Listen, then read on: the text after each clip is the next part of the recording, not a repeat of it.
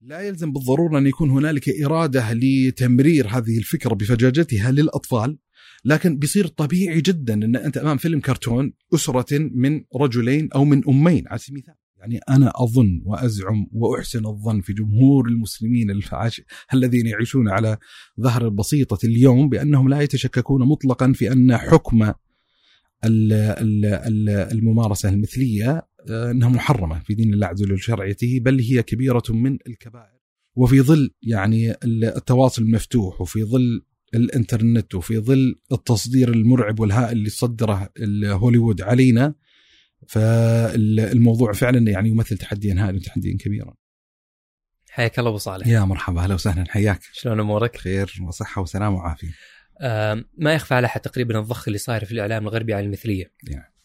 و كنت أتوقع أنه بعيد إلين ما سمعت انه دار نقاش في أحد كلاسات سنة التحضيرية في أحد الجامعات الأهلية إنه يا أخي وش المشكلة إذا يعني الذكر كان يميل إلى الذكر؟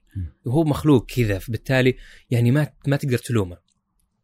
ف يعني بديت أحس بالخطر بس ما أدري هل هي حالة استثنائية ولا يعني هي بوادر ظاهرة احتمال إنها تكون يعني طاغية في المشهد. طيب خلينا نكون مكاشفين واضحين من اللحظة الأولى. يعني لو لو كانت مشكلة استثنائية موجودة في أحد الجامعات سواء المحلية أو العربية وكذا ما كانت تستدعي الإنسان أصلا يتناولها في حلقة. بالعكس قد يكون تناول ظاهرة بهذه الاستثنائية مروجة لقضية ليست حاضرة في المشهد فأنت تسهم في تخليقها.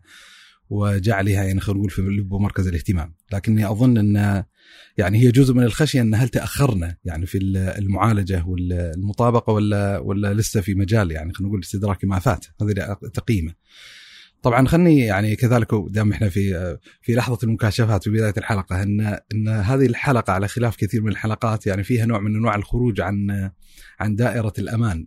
والطمأنينة على المستوى الشخصي والانتقال إلى ملف أو موضوع يشعر الإنسان يشعر الإنسان فيه أنه يعني آه، بقدر من التوتر والدخول في منطقة تعتبر يعني تتسم بقدر من الغموض بالنسبة إليه. فلكن الداعي الأساسي لتناول الموضوع أن أنا في بعض اللقاءات مع بعض المشايخ أو الدعاة أو طلبة العلم والتربويين أو غيرهم يعني دائما أطرح هذه الأطروحة والفكرة إن التخوف الذي ينبغي ان أن نعيه من تحديات المرحلة المستقبلية اللي هو تحدي ما يتعلق بالمثلية الجنسية والشذوذ الجنسي والإشكال المتعلق بالخطاب النسوي، وإذا يعني على المستوى الشخصي مهتم بما يتعلق بملف الإلحاد فأعتقد إن ملف الإلحاد وتمدده في المشهد المحلي يعتبر لا شيء بالمقارنة بإمكانيات تمدد هذه الظاهرة وهذه الظاهرة في المشهد، لأن عندنا جملة من التحديات الخطيرة المتعلقة في خصوص ما يتعلق بكلا الملفين، يعني في موضوع المثلية وموضوع النسوية أحد الإشكاليات اللي تجلت وتكشفت بطريقة الحقيقة مرعبة بالنسبة لنا أن كثير من المنصات التي نروج من خلالها الخطاب الذي نقدمه ليست محكومة بطبيعة الحال من قبلنا بل هي محكومة بأيديولوجيات معينة ومحكومة بأجندات معينة وبالتالي يعني لو لو قدر بين قوسين لا سمح الله أن هذه الحلقة كانت تريد أن تطبع ما يتعلق بإشكالية المثلية الجنسية في المشهد وفي الواقع لما تخوف الإنسان من أن تحذف الحلقة، بخلاف لما يتناول الإنسان هذه الحلقة برؤيته الدينية الشرعية التي قد تخالف يعني خلينا نقول المزاج الفكري لكثير من المنصات القائمة الموجودة في المشهد فقد تكون عرضة ل يعني مختلف المعاقبات اللي منها يعني قضية الحذف يعني حذف الحلقة وممكن مثلا التهديد بإغلاق القناه على سبيل المثال. وهنالك يعني شواهد متعددة موجودة في المشهد ولذا يجد الإنسان في بعض شبكات التواصل الاجتماعي جنوح يعني جملة من الشباب اللي يريدون تناول هذه الظاهرة بمزاج مختلف عن أمزجة هذه المنصات وهذه الشبكات. إن تجد مثلا لما يجي يكتب قضية الشذوذ يعني يكتبها بطريقة معينة يحاول أن أن أن يعكر صفو الخوارزميات اللي تفتش عن كلمة الشذوذ مثلا أو المثلية تحصل يكتب المث بعدين فراغ بعدين لية على سبيل المثال. وهكذا في حيل معينة يحاولون أن يمارسوه فيما يتعلق بهذه القضية ولذا يعني حتى عنوان الحلقة قد تكون متسمة بشيء من من من هذا النمط وهذه الحيل فهذا مثلا أحد التحديات نحتاج أن نعيها. طيب ليش ذكرت إن عندي نوع من أنواع الخشية أن إحنا تأخرنا إلى حد ما في تناول ما يتعلق بهذه الظاهرة، يعني أحد الموجبات أو الأسباب الرئيسية اللي شجعت لي تناول هذا الموضوع وهذه القضية في حلقة من حلقات البودكاست في هذا الموسم خصوصا يعني آه، سببين رئيسيين. السبب الأول سأذكره الآن السبب سأرجئه إلى يعني إلى مستقبل ننبه إليه باذن الله عز وجل. السبب الأول إن في أحد الأفلام يعني اللي طلعت على ال trailer حقها آه، اسم الفيلم كيوتيز من آه، من آه، يعني من منصة نتفليكس وهي أحد يعني المنصات المروجة لما يتعلق بهذه الإشكالية والظاهرة وبنعلق عليها بالتفصيل. الفيلم هذا يعني فكرته الأساسية عبارة عن عائلة سنغالية أظنها تعيش في فرنسا والفيلم بالمناسبة باللغة الفرنسية. العائلة السنغالية عندهم بنت، البنت هذه عمرها تسعة سنوات معين تسعة سنوات تقريبا تتعرف على فرقة من مجموعة البنات في المدرسة للرقص. المشكلة ما تتوقف هنا يعني الفيلم طبعا فيه نوع من أنواع الاستفزاز لأي مسلم لأنه يتضمن رسائل يعني مستبطنه في قضية جمود المسلمين وتحجرهم مثلا على قيمهم وعدم قابليتهم للذوبان في المجتمع الذي يعني في جملة من الرسائل الإشكالية المتعلقة بخصوص يعني أشعر أن الفيلم أراد أنه يعبئ يعني مجموعة من القضايا وان يمرر مجموعة كبيرة من الرسائل. وبحمد الله عز وجل تلقي الفيلم بقبول قبيح. وحصلت يعني حتى في المجتمعات الغربية حملة مقاطعة. لنتفليكس وتقييمات الفيلم في المنصات المهتمة بالأفلام IMDb على سبيل المثال يعني أظن يعني رجعت إليه سريعا بشوف تقييم الناس للفيلم وتعليقاتهم عليه ووجدت تقريبا 2.1 الظاهر من 10 فيعتبر هذا يعني درجة متدنية جدا وانه فعلا يعني مثير للرثاء والازدراء. الإشكالية اللي نتحدث فيها أن مشكلة طبيعة الرقص الذي يمارس في مثل هذا الفيلم هو ذو طبيعة جنسية يعني في إيحاءات جنسية يعني رقص إباحي ليس يعني رقصا بريئا طفوليا وبالتالي تشعر الحين يعني إن تفجر في نفس السؤال إن هل نحن مقبلين على مرحلة يراد من خلالها أن يطبع البيدوفيليا على سبيل المثال؟ يراد أن أن يشرعا لقضية الاشتهاء الأطفال يعني بعد ما خلاص يعني انتهينا مما يتعلق بالمثلية ننتقل الحين إلى الخطوة التالية ومحاولة استبعاد لفظة الشذوذ عن ممارسة شاذه أخرى وما يتعلق فقصدي يعني هذه يعني أحد المحفزات الأساسية اللي استدعت أن الإنسان يتناول الموضوع. طبعا ما أخفي السامع الكريم لهذه الحلقة إن إن هنالك جملة من التعقيدات المتعلقة بطرح هذا الموضوع. وهذا جزء من الارتباكات اللي جعلت الإنسان يعني آه، ساعة ينشط لضرورة وأهمية يطرح الموضوع وساعة ينتابه قدر من الفتور تخوفا أن لا يتناول الموضوع بالطريقة الصحيحة لتقديم المعالجة الطيبة الرشيدة المتوافقة مع القيم الشرعية المتعلقة بهذه المسألة. فأحد الجوانب يعني عندنا إشكاليتين أساسيتين من التعقيدات المتعلقة بالموضوع. الموضوع الأول أو التعقيد الأول تركب الظاهرة وتعقيدها. يعني مثلا حتى اللفظة المختارة للتعبير عن هذه الحركة المتمددة في فضاء المجتمعات الغربية لما يقولون LGBT اللي هو lesbian gay bisexual و transsexual يعني المتحول جنسيا. وبالتالي طبيعة الحركة تشتمل أو حتى لما يتكلم إنسان عن ظاهرة الشذوذ أنت تتكلم عن عن حزمة من الإشكاليات ما تتكلم عن إشكالية معينة مخصوصة. يعني مثلا من الإشكاليات والأمراض النفسية اللي تحدث عنها قضية اضطراب الهوية الجنسية على سبيل المثال إن شعور الإنسان انه هو محبوس في جسد لا يمثل الجنس الذي يشعر به، يعني يشعر الذكر بأنه محبوس في جسد أنثى وتشعر الأنثى انها محبوسه في جسد ذكر على سبيل المثال. وقد تصير بوادر هذا الإحساس وهذا الشعور مبكرا في حياه الإنسان. فالشاهد أن أنت أمام حزمة يعني من المشكلات وبالتالي يحتاج الإنسان أن يكون أكثر دقة في تناول القضية التي يريد أن يتناولها. فإحنا في حقيقة الأمر نتحدث عما يعبر عنه يعني في الكتابة التراثية باللواط أو السحاق، نتحدث عن ما يتعلق بالميول المثلية يعني بمعنى ميل الذكر إلى الذكر وميل الأنثى إلى الأنثى. آه يعني نتحدث عن صورة من صور الشذوذ. فهذا جانب من التعقيدات والارتباكات لكن يحل من خلال على الأقل تقييده داخل إطار أكثر ضيقا.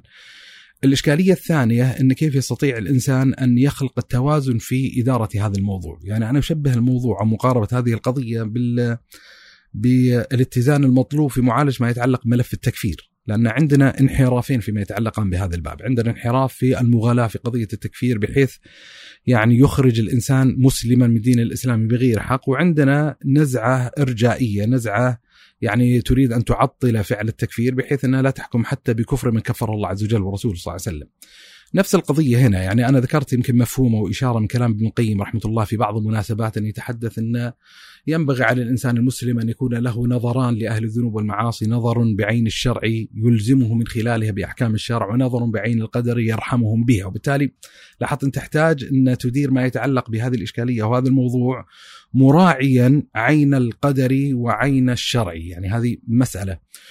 وجزء من يعني محاولة يعني أن يقدم الإنسان خطابا متزنا بين المنطقتين أنه يرسم أشبه الخارطة اللي من خلالها نستطيع أن نتوغل في هذا الموضوع على يعني على قدر من البصيرة. ف القسمة المقترحة أو المسارات المقترحة لمعالجة الموضوع حتى فعلا يستطيع الإنسان أنه يضمن أن تصل الرسالة في كل مسار من هذه المسارات بالطريقة التي على الأقل هو يريد أن يعبر عن نفسه من خلالها. أن عندنا مسار يعني أو منطقة معينة وهي منطقة التفاعل مع هذه الإشكالية باعتبارها منكرا باعتبارها كبيرة من كبائر الذنوب باعتباره ذنبا باعتباره معصية. فهذا مساحة معينة ونقدم معالجات متعلقة بالإطار هذا. ثم المنطقة الثانية وهي الحقيقة المنطقة الإشكالية الكبرى وهي ما يتعلق ب يعني التفاعل مع هذا الملف باعتباره تحول من مجرد كونه ممارسة محرمة في الدين والشريعة إلى إشكالية وانحراف فكري.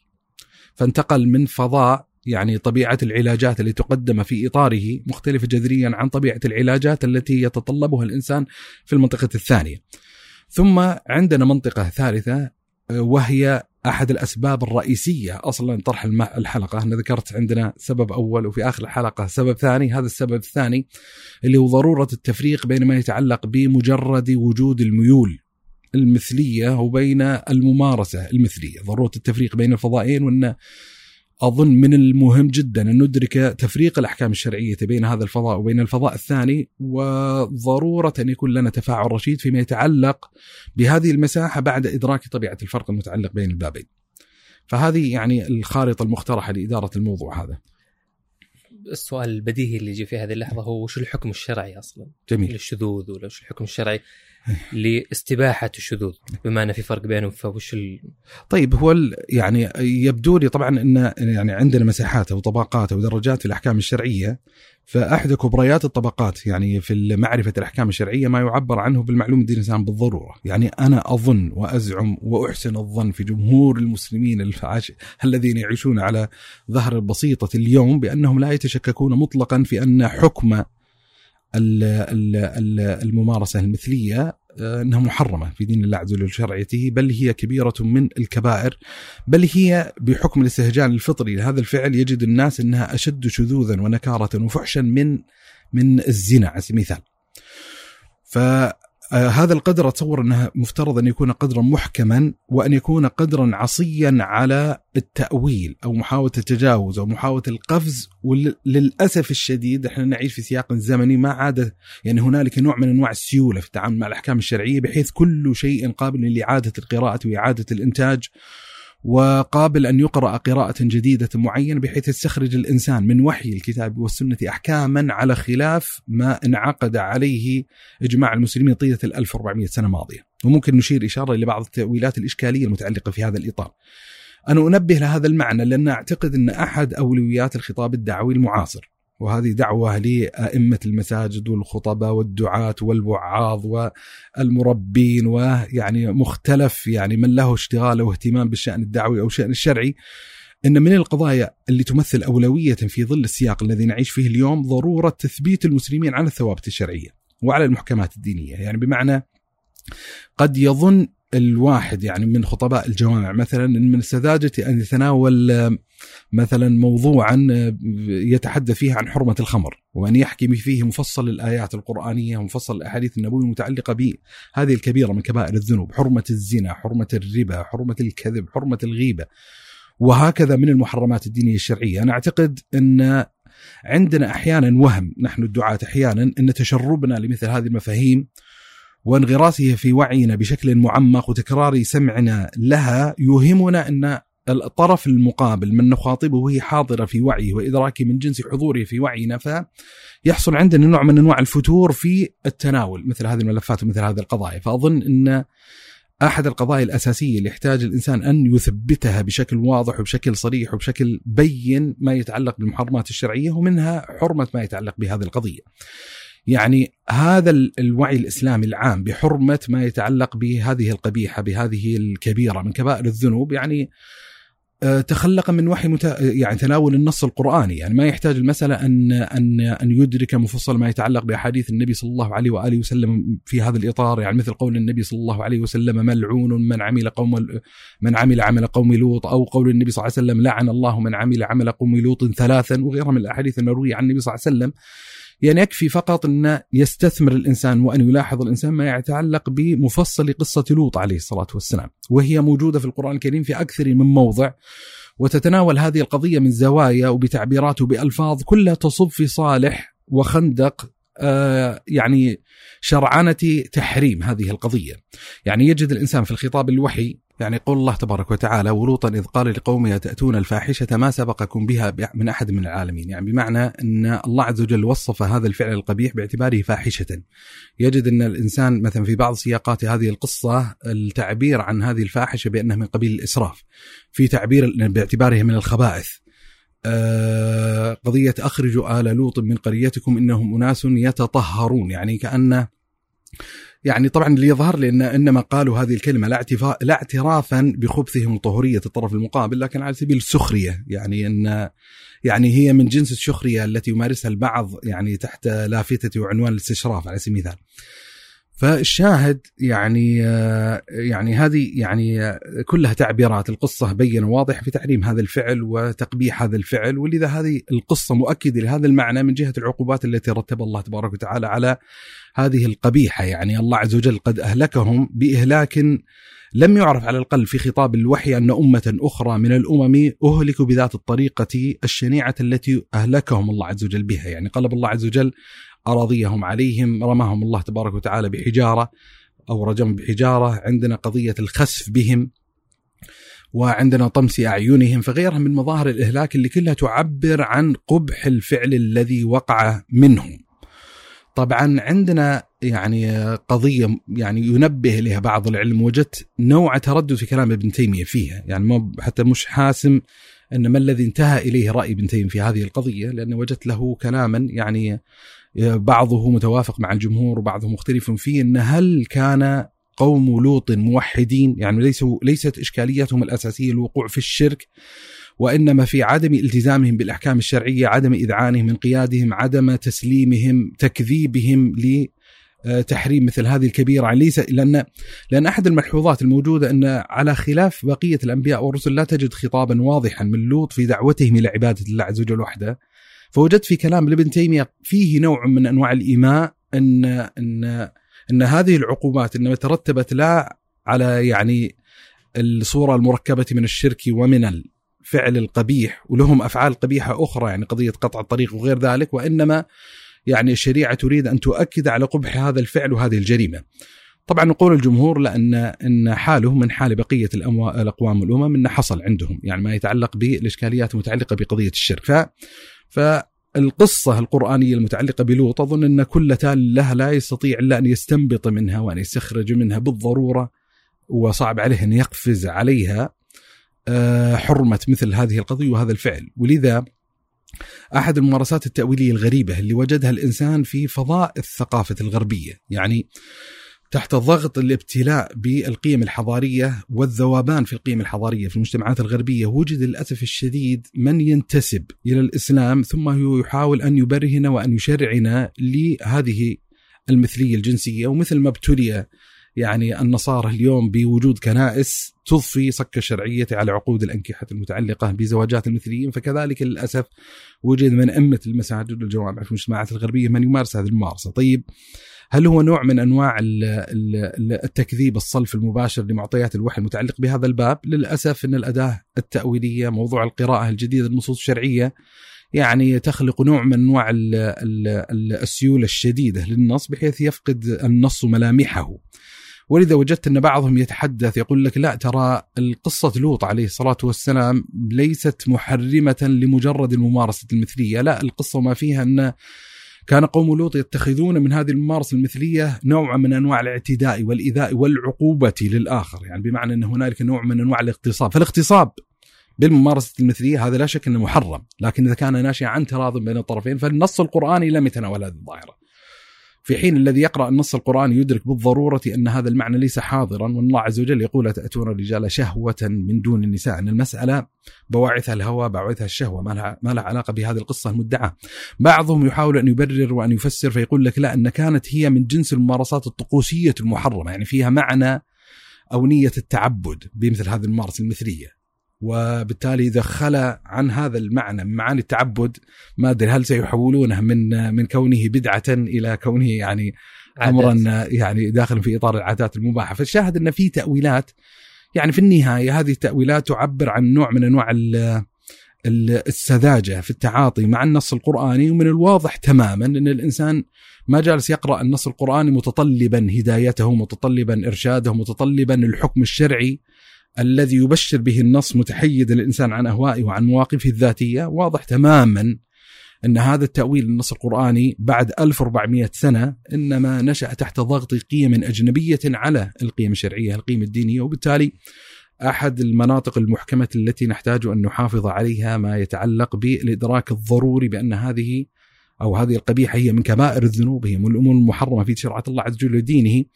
وكونها يعني خلينا نخلق نوع من أنواع التوازن كونها محرمة في شرعه الله عز وجل دين كونها كبيرة من كبائر الذنوب لا يعني كفر فاعلها بل فاعلها يعني إن نطق بالشهادتين معتقدا حرمة الفعل الذي وقع فيه فهو واقع في كبيرة يطالب فيها بالتوبة إلى الله عز وجل ويؤمل من رحمة الله عز وجل أن يغفر الله تبارك وتعالى له إن تاب إليه سبحانه وتعالى وإن لم يتب وأفضل الله عز وجل يوم القيامة فهو تحت المشيئة إن شاء الله عز وجل عذبه بذنبه وإن شاء الله تبارك وتعالى غفر له فشاهد أن لا يجب أن يحتمل بشاعة الفعل البعض إلى إلى اعتقاد كفر من وقع في هذا الفعل ولا يحتمل النظر إليه بعين الرحمة نزع بشاعة الفعل عن الفعل.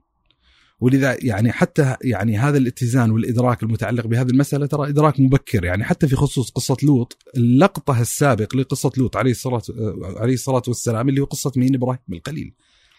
ولذا أحد الأشياء المواقف العجيبة اللي صدرت من إبراهيم المعبره عن حلمه المعبره عن رحمته أن أخذ يجادل الملائكة في قوم لوط يعني كأنه يتطلب من رحمة الله عز وجل أن يرجئهم أن يؤخرهم لعل عسى أن يرجوا أن يتوب بدل أن يكونوا مرسلين يعني بإهلاكهم وقد علم ذلك لكن أمر الله تبارك وتعالى قد قضي. وبالتالي هذه اللقطة من إبراهيم الخليل عليه الصلاة والسلام هو يدرك قبح الفعل مستحكم المسألة ظاهرة في نفسه لكن لا يوجد بأس على المسلم أن ينتابه شعور الشفقة والرحمة على من تلوث بهذه البلية وأن يكون صادقا في تطلب هدايته وتوبته وعودته إلى رشده فيما يتعلق بهذه القضية الله أعلم طيب أبو صالح في ظل هذا التحريف والتأويل وش دورنا حنا المفروض نسوي؟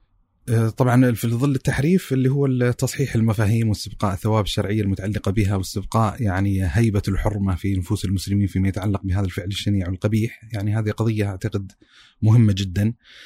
الإطار العام اللي ينتظم ما يتعلق بالمنكرات، يعني في شرعة الله عز وجل دينه تأدية دور الاحتساب، يعني عندنا شعيرة اسمها الأمر معروف والنهي عن المنكر وبالتالي داخل في هذا الإطار طبعا النظم السياسية الإسلامية لها دور فيما يتعلق بتجريم ما يتعلق بهذه الأفعال وما يتعلق من العقوبات المرتبة عليها، لأن العقوبات ليست يعني موكولة لأفراد الناس إن يتناولونه كيف يعني يشاءون انما هذه يعني داخلة في إطار يعني السلطة يعني بدءا من السلطة القضائية ثم تنفيذ ما يترتب على القضاء في هذا الباب. آه، طبعا في دور مناط بالمربين بعلماء الاجتماع بعلماء النفس. يعني يسعي المجتمع بشكل عام لإيجاد حلول. آه، يحتاج الإنسان أن يدرك آه، البواعث التي تحمل الشاب أو الشابة على الممارسة المثلية. لأن يعني مثل ما أخبر الله عز وجل في القرآن تاتون الرجال شهوة من دون النساء؟ فقد تقع هذه الممارسة شهوة. يعني إن إن هنالك رغبة.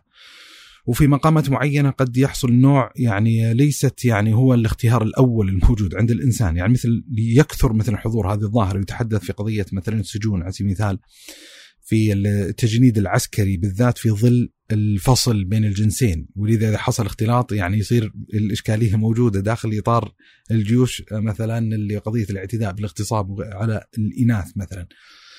فيعني مثلا قضية تأخير الزواج المتطاول بحيث أنه يعني يكون الشاب موجود داخل مجتمع شباب فيفرغ شهوته فيما يتعلق داخل هذا الإطار ولو ممكن من قضية الزواج قد يتخفف. وطبعا التأكيد وهذا ممكن نشير إليه إشارة إنه مو بالضرورة يكون الزواج علاجا لكل حالة لأنه يعتمد على طبيعة البواعث للممارسة المتعلقة بهذا الباب. فالشاهد يعني إن هنالك أدوار يعني متعددة يعني يعني من جهة الشريعة المتعلقة بهذا الإطار سواء بالكيانات السياسية إلى تتدرج إلى الأفراد.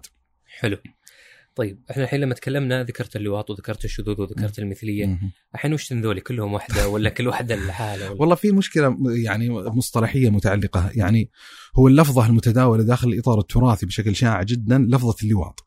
طيب ليش ما يتم مثلا اعتمادها واستخدامها في كل السياقات؟ يعني جزء يعني هذا الانطباع على الأقل الموجود عندي انه جزء من من طبيعة الخطاب المتعلق بالشريعة وهي قضية ذوقية جمالية.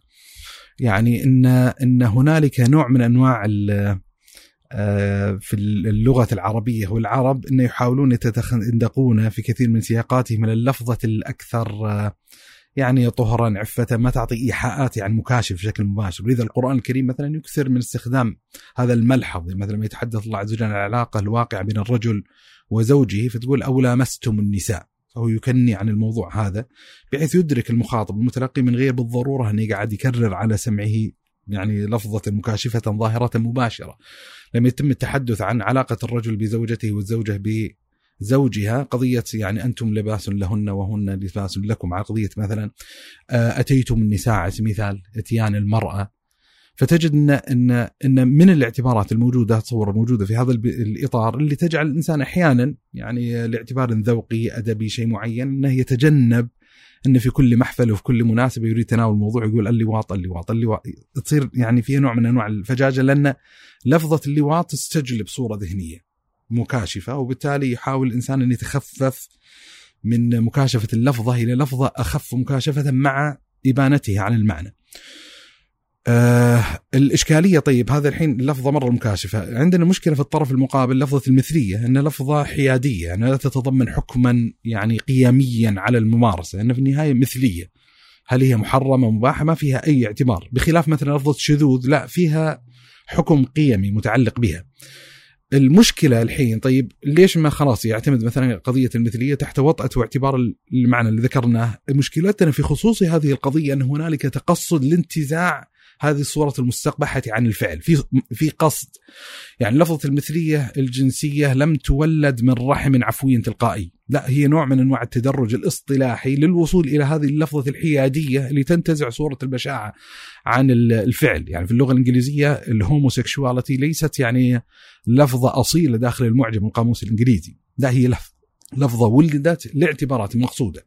وبالتالي روجان لفظة المثلية الجنسية داخل الأجواء العربية الإسلامية ليس حدثا عفويا تلقائيا؟ يعني حسب المصلحة حسب السياق اللي يتحدث عنه الإنسان يعني لا أجد عندي تحسسا شديدا المطالبة بإلغاء مثلا كلمة المثلية بالضرورة لأنها لفظة معبرة ومطابقة عن المقصود. صحيح أن أنها لا تتضمن حكما قيميا لا بأس بحسب سياقات اللفظة لكن يجب أن يكون كذلك الإنسان واعيا بأن تطبيع هذه اللفظة بهذا الشكل في الحضور قد يترتب عليه أثر إشكالي وهو انتزاع القباحة عن الفعل. المشكلة طيب ليش ما يستبقى عن لفظة الشذوذ باعتباره أخف حدة من اللفظة الأولى ويعني في نفس الوقت تتضمن حكما قيميا بشذوذية الفعل، المشكلة الموجودة فيها اجمالا يعني مشكلتين أساسيتين. المشكلة الأولى أن دائرة ما يشتمل عليه لفظة الشذوذ أوسع دائرة بكثير مما يتعلق بالظاهرة المقصودة التي يعني ينصرف إليها الذهن في كثير من المقامات مما يتعلق بإطلاقها. يعني يستطيع الإنسان يقول أن عندك جملة من الانحرافات الجنسية كلها تدخل داخل لفظة الشذوذ الجنسي. يعني لما ينظر الإنسان مثلا آه، في المجال الطب النفسي وعلم النفس مما يتعلق بالممارسات الجنسية عندنا المازوخي على سبيل المثال الذي يتلذذ بالتعذيب وعندنا السادي الذي يجد نشوته الجنسية بتعذيب الآخر عندنا بيدوفيليا اشتهاء الأطفال في ما يتعلق اللي أظن يسمونه بستيالتي اللي هو قضية بيستيالتي اللي هو قضية اشتهاء الحيوانات والبهائم. يعني في أشياء كثيرة جدا وظواهر كثيرة. يعني إنسان مثلا يجد ال ال ال الانتشاء ب يعني في ظواهر ما يعني أدخل في التفاصيل بدأت تداعى صور يعني قبيحة للذهن ما يتعلق بهذا الباب. الشاهد المشكلة الأولى مع لفظة الشذوذ أنها ليست لفظة مطابقة لمحل البحث. يعني بخلاف لفظة اللواط لفظة استحاق مباشرة وصامدة يعني حتى هي أكثر دقة من لفظة المثلية لأن لفظة المثلية تشتمل على معنيين اللي هو الذكر للذكر الأنثى للأنثى اللواط مختص بباب السحاق مستحق بباب الآخر. آه والإشكالية الثانية في الشذوذ أنه لا تتضمن إلى حد ما آه التفريق بين مقام الميل الجنسي المنحرف والفعل والممارسة الجنسية المنحرف. يعني لما تقعد تبث الشذوذ الجنسي جزء من المأزق والإشكال وهو ما نريد أن نعالجه في المنطقة الثالثة في حلقة اليوم اللي هو ضرورة التفريق بين ما يتعلق بالميول وما يتعلق بالممارسة. لفظة الشذوذ لا تحقق لنا هذا التفريق المنشود. يعني يتم دمج الطائفتين تحت شعار واحد وخلاص يبدأ يرتب عليهم أحيانا احكاما واحدة في حين أظن إن هذه جزء من منطقة الإشكال الحقيقي يحتاج إلى معالجة وبحث. الشيخ بكر أبو زيد كلام في السياق وش؟ يعني في موضوع اللواط يعني آه آه يعني زي ما ذكرت نسبتها للوط عليه السلام يعني مثلا أحد الإشكاليات الموجودة في بعض الكتابات قضية مثلا يعني نوع يعني إيراد الاستشكال والاعتراض إن كيف ينسب هذا الفعل إلى نبي مكرم من أنبياء الله عز وجل ورسله لوط عليه الصلاة والسلام ف يعني أذكر من الأشياء اللي وقفت عليها وجميلة الحقيقة وهي يعني هذا الانطباع الأول على الأقل من خلال الملاحظه والنظر إن أجود من من حاول يستوعب الكلام فيما يتعلق بالمصطلح اللواط وما يتعلق بحل هذه الإشكالية الشيخ بكر أبو زيد في المعجم المناهي اللفظية. ترتيب بحث الشيخ كان بالطريقة الآتية إن هل يوجد في اللغة العربية آه، ما يصحح هذا النمط من أنماط الاشتقاق؟ إيه فالأمر اللافت إن أحد الألفاظ العربية الأصيلة لوط يشتمل على معنيين يعني إجماليين معنى الحب ومعنى الإلصاق والإلزاق.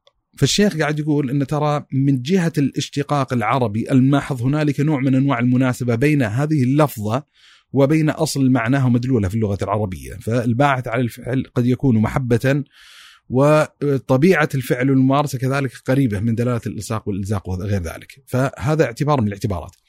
طيب يعني ما أدري طبعا ممكن يورد الإنسان نوع من أنواع المكاشفة أن هل فعلا كان محل الاشتقاق اللغوي لهذه اللفظة من وحي اللغة العربية لهذا الاعتبار القائم موجود؟ فالحاصل طبعا انه يعني حاول الشيخ أن ينبه إن جزء من دلالات العربية وسعتها إن أحيانا يعني لما يتم إطلاق الألفاظ على معاني معينة يتم يعني أوسع دائرة من دائرة أن يكون الحكم ناشئا من ذات المعنى. يعني مثلا قد يطلقون السبب على المسبب وقد يطلقون المسبب على السبب وقد يطلقون مثلا آه، البعض على الاسم الكل مثلا وقد يطلقون حكم الكلي أو اسم الكلي على البعض. يعني قصدي في نوع من أنواع السعه في العربية. ولذا مثلا الممارسات غير المستنكرة. نجد مثلا نتحدث إحنا عن الأخبار الإسرائيلية أو الإسرائيلية. طيب إسرائيل هو نبي الله تبارك وتعالى يعقوب. هذا يعني لقبه هو اسمه إسرائيل. طيب ما نجد ذاك الغضاضة والحرج إن نقول إسرائيليات؟ لمناسبة واعتبار معين مستساغ في اللغة العربية مثلا من الأسماء البدعية أو الطوائف البدعية يسمون القدرية. طيب القدرية أنكروا القدر. طيب ليش ينسبون إلى شيء أنكروا فهذا معنى يناسب. وبالتالي ممكن يقال أن باعتبار نهي الله تبارك وتعالى عن هذه الجريمة نسب الفعل إلى اسمه. يبي يعني يذكر هذا. وطبعا نبه ان إن جزء من الإشكالية المتعلقة في تدويل هذا المصطلح إنه مصطلح حاضر في الكتاب التراثي بشكل كبير. يعني حاضر عند الفقهاء وعند المفسرين وعند المحدثين وفي مؤلفات وكتب وعنون لها بهذا العنوان. هي لفظة دارجة وحاضرة يعني بشكل كبير جدا. ويجعل حتى الإنسان اصول لها مبكرة من عهد الصحابة. يعني مثلا من الآثار المنسوبة إلى عبد الله بن عمر رضي الله عنه وأرضاه يعني تسمية آه، إتيان المرأة من المحل المستكره يعني اللوطية الصغرى. وبالتالي لها إشارة وإيماءه إلى أن لفظة اللواط أو اللوط يعني حاضرة يعني في الوعي المتقدم. لكن صراحة من اللفتات التربوية الجميلة الحقيقة اللي وقفت عليها في كلام الشيخ بكر في خاتمة بحثي. يعني كان واضح البحث ماشي لمحاولة يعني إضفاء الشرعية على هذا الاستعمال. ثم قال في آخر بحثه قال وبعد استشارة واستخارة. يعني إن إن أنا حررت الموضوع بالطريقة هذه ثم استشرت مجموعة الأحباب استخرت الله عز وجل فوجدت وذكر حقيقة معنى ايماني جميل. وهو يعني عزز شعورا عندي ما أخفاك ما أخفيك بالسلبية حوال حيال لفظة اللواط للاعتبار المذكور اللي هو قصة ارتباطه باسم لوط عليه الصلاة والسلام. قال إن وجدت إن إن ما حررته يتضمن حمية للعلماء. يعني إن الباعث لما فتش في الباعث الحقيقي الذي احتملني على محاولة إيجاد مسوغ لغوي أو مسوغ نسبته إلى اسم لوط إنه هو نوع من أنواع الحمية للعلماء باعتبار إن هذا اسم أو لفظه متواتره داخل الكتابه التراثيه. قال والحمية لنبي الله تبارك وتعالى لوطا أولى. يعني ذكر هذا المعنى. وإن كيف يستجيز المسلم أن ينسب هذا اللفظ القبيح الشنيع إلى اسمه الشريف؟ لاحظ ولو على سبيل نهي عنه ولو كان لا يخطر في باله آه، يعني أي شيء يستقبح من نبي الله تبارك وتعالى. ويعني طبعا ختم البحث بقضية إن يعني يعني إن إن هذا ما توصلت إليه فإن كان عند الإنسان مزيد بحث من تحرير فليفد به ذكر يعني هذا المعنى. الحقيقة يعني يعني أنا كان ينتابني شعور لما أقرأ حديث النبي صلى الله عليه وسلم لعن الله من عمل عمل قوم لوط. يعني الذي يظهر لي أن النبي صلى الله عليه وآله وسلم جالس ينبه أمته. يعني خلينا نفترض أن فعلا اللفظة هذه كانت حاضرة. حاضرة عند الصحابة. يعني بمعنى مثل ما ذكرنا النبي صلى الله عليه وسلم تجنب استعمالها لحكمة. لما قال عمل عمل قوم لوط. ولذا من التداعيات السلبية اللي ترتبت على ربط هذا الفعل بلوط عليه الصلاة والسلام الاسم اللي هو عزوف المسلمين عن التسمية بهذا الاسم. يعني مثلا عندنا يوسف ويعقوب وإبراهيم وهود أسماء كثيرة يعني موجود من الأنبياء والرسل لكن لوط يعني قليل جدا جدا جدا. يعني حتى الشيخ بكر نبه ان إن من خلال مطالعة سيرة إعلام النبلاء لا يوجد إلا واحد مسمى بلوط اللي هو لوط بن مخنف. يعني يسمونه المؤرخ أو يعني يعني معروف في المجال التاريخي أحد أوعية التاريخ من الشيعة الإمامية اسمه لوط بن مخنف. فأحد البواعث الأساسية وفعلا يعني يتفهم الإنسان حالة الحرج اللي تنتهى كثير المسلمين لو أراد أن يسمي ابنه لوط يشعر انه بحرج الاسم لأن اقترن هذا الاسم بمثل هذه الفعلة وزي ما ذكرت أنا أظن أن النبي صلى الله عليه وسلم لما قال عمل عمل قوم لوط دون أن يقول باللفظ المكاشف بالنسبة إنه يتضمن ايماء إلى عدم على الأقل استحسان استعمال. هذه اللفظة. وبالتالي يعني يعني كنت أتمنى يعني لما كنت أقرأ في الموضوع هذا باللغة الإنجليزية، اللغة الإنجليزية المتقدمة الموجودة يعني في التعبير عن هذا الفعل يسمونه سودوم سودومي اللي هو نسبة إلى سدوم اللي هو المنطقة الجغرافية قرى سدوم اللي هم قوم لوط يعني كان يطلق عليهم. وبالتالي لو قيل السدومية لكان أكثر لصوقا تلك الطائفة من اللفظة التي انتخبت في التعبير عن هذه اللفظة. فظن يعني إنه يعني هنالك قدر. ودي تلاحظ يمكن في الحلقة جالسين يعني نراوح. ساعة يقول الإنسان الشذوذ ساعة ممكن يقول لواط ساعة يقول المثليه آه، لأن يعني طبيعة الحلقة سماعها بهذه الطريقة آه، يعني التحفظات الموجودة عن استعمال هذه أو استعمال هذه أو استعمال هذه لن تكون حاضرة إن الحلقة تكمل بعضها بعضا. حديثك عن الزواج كأحد أسباب رفع المناعة عند المجتمعات وعند الأجيال الجديدة آه، ضد الشذوذ آه، ذكرني بحديث النبي اللهم صل وسلم عليه إذا أتاكم من ترضون دينه وخلقه نعم. فزوجوه إلا تفعلوا تكن فتنة في الأرض وفساد كبير. فمخالفة هذه السنن والاحتياجات الإنسانية آثار على مستوى البشريه لا يمكن يعني التنبؤ بنهايتها. نعم. طيب إحنا الحين جالسين نتكلم عن هذه الظاهرة الغريبة العجيبة الجديدة بينما اللي يقرأ التاريخ الإسلامي يلقى فيه قصايد نعم. والدنيا معفوسة من زمان يعني. فوش الجديد؟ ليش ما كانت مشكلة من أول؟ إي يعني إحنا زي ما ذكرنا هي يعني يعني إذا قرأ الإنسان في التاريخ الإنساني البشري اجمالا أو نظر في التاريخ الإسلامي سيجد أن مجرد حضور الممارسة هو واقع موجود أن يعني آه، إذا قرأ الإنسان في كتب التواريخ إيوه محرم شرب الخمر لكن حاضرة الخمريات داخل التاريخ الإسلامي، يعني طهورية التاريخ الإسلامي بالطريقة التي تصور أحيانا يتوهمها بعض الناس ليست حقيقة. إذا طالع الإنسان ما يتعلق بكتب الأدب ما يتعلق بكتب التواريخ سيجد أن في حقب زمانية معينة ما أدري إيش يقول الإنسان. تطبيع حضور هذا المنكر داخل إطار المجتمع قد يكون أكثر حضورا من حضور هذه الإشكالية داخل يعني سياقنا على الأقل المحلي أو العربي الآني. يعني ما يعني كان له حضور أكثر فظاعة وبشاعة.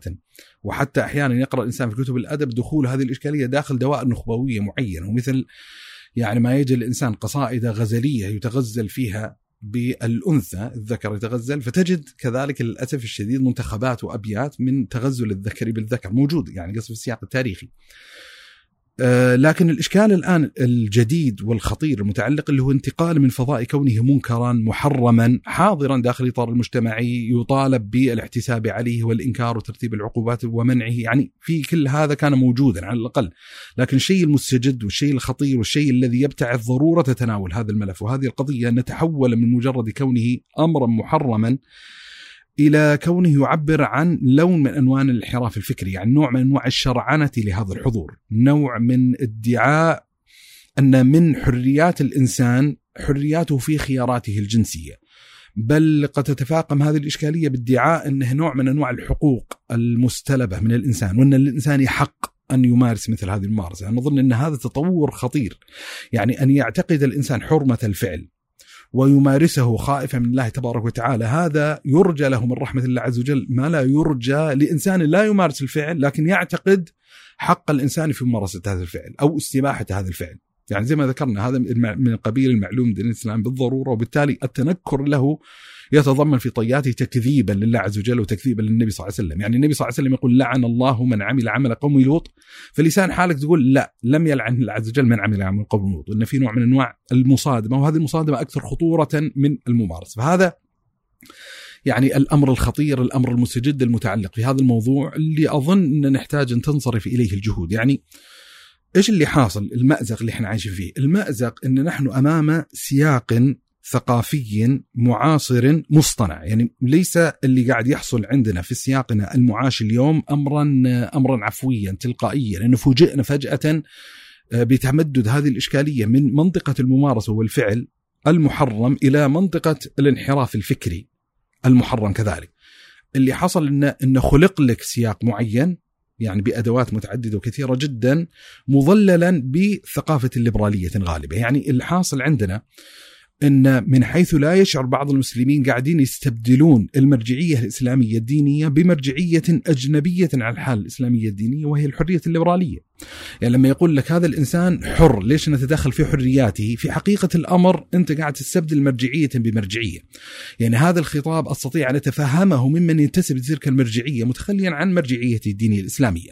لكن إذا كنت أخاطب مسلما فلا ينبغي أنه يصرح ويكاشف مثل هذه المكاشفة. في النهاية أنت صاحب يعني مرجعية أخلاقية معينة وبالتالي لا يصح لك أن تجنب موطن البحث مرجعيتك الأخلاقية. وتستبدلها بمرجعية أخرى يدعي أصحابها أن الإنسان حرية في مثل هذه الممارسة ومثل هذه القضية. لما يقول لك الشاب مثلا أن هذا لم يضرني وبالتالي إيش دخلني في حرياته الشخصية؟ إيه هذا المنطق إنه ما ضرني هو نوع من أنواع الرضوخ الصريح للقيم الليبرالية. في حين في التصور الإسلامي لا أنا مسلم يؤذيني لما أرى إنسانا يشرك بالله تبارك وتعالى. أنا يؤذيني وجود المنكر. أنا يتعين علي دينا وشرعا. هذا جزء من ال ال الواجبات الشرعية التي جعلها الله عز وجل. لي إني إذا رأيت منكرا أن أسعى في تغييره. إن لابد إني أحتسب. تسمية يعني في التصور الإسلامي في يعني في رؤيتنا الكونية الكلية نحن عبيد لله تبارك وتعالى ونحن في هذه الدنيا في دار ابتلاء واختبار وفي نهاية المطاف سنفضي إلى الله سبحانه وتعالى وسيحاسبنا. هذه المنظور. بخلاف منظور آخر لا يستصحب كل هذه المفاهيم ولا يستصحب كل هذه الحزمة، يعني يستطيع الإنسان أن يتفهم أن الإنسان يمدد رواق شهواته في هذه الحياة الدنيا إذا كان يعتقد أن هذه الحياة هي الحياة ولا حياة وراءها. يعني لما يقول الشاعر خذ من الدنيا بحظ قبل أن تنقل عنها فهي دار لست تلقى بعدها أفضل منها. يصير متفهم الإنسان يصير مضطر ما عنده إلا فرصة واحدة يستطيع أن يعب من الشهوات التي يطمع بها عبا. ولذا أحد القيم المركزية الموجودة في الحداثة الغربية المعاصرة تضخيم قيمة اللذة. ويصير بالتالي متفهم الممارسات اللي قاعد تحصل في خصوص الملف الموجود. يعني لا معنى لا معنى لمثل هذه الممارسة المغلظة ضد فكرة المثلية الجنسية في سياق فكري يستصحب صاحبه بأن الحياة الدنيا هي الحياة فقط.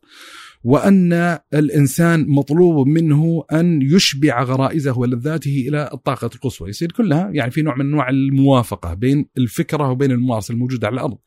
لكن إذا كان الإنسان ينتسب إلى مرجعية مباينة لهذه المرجعية لا بصير قيمة مختلفة جذريا، آه، نظرته إلى الكون مختلفة جذريا، محاسبة على أفعاله الشخصية ومحاسبته لغيره على أفعالهم ستكون مختلفة جذرية وغير ذلك.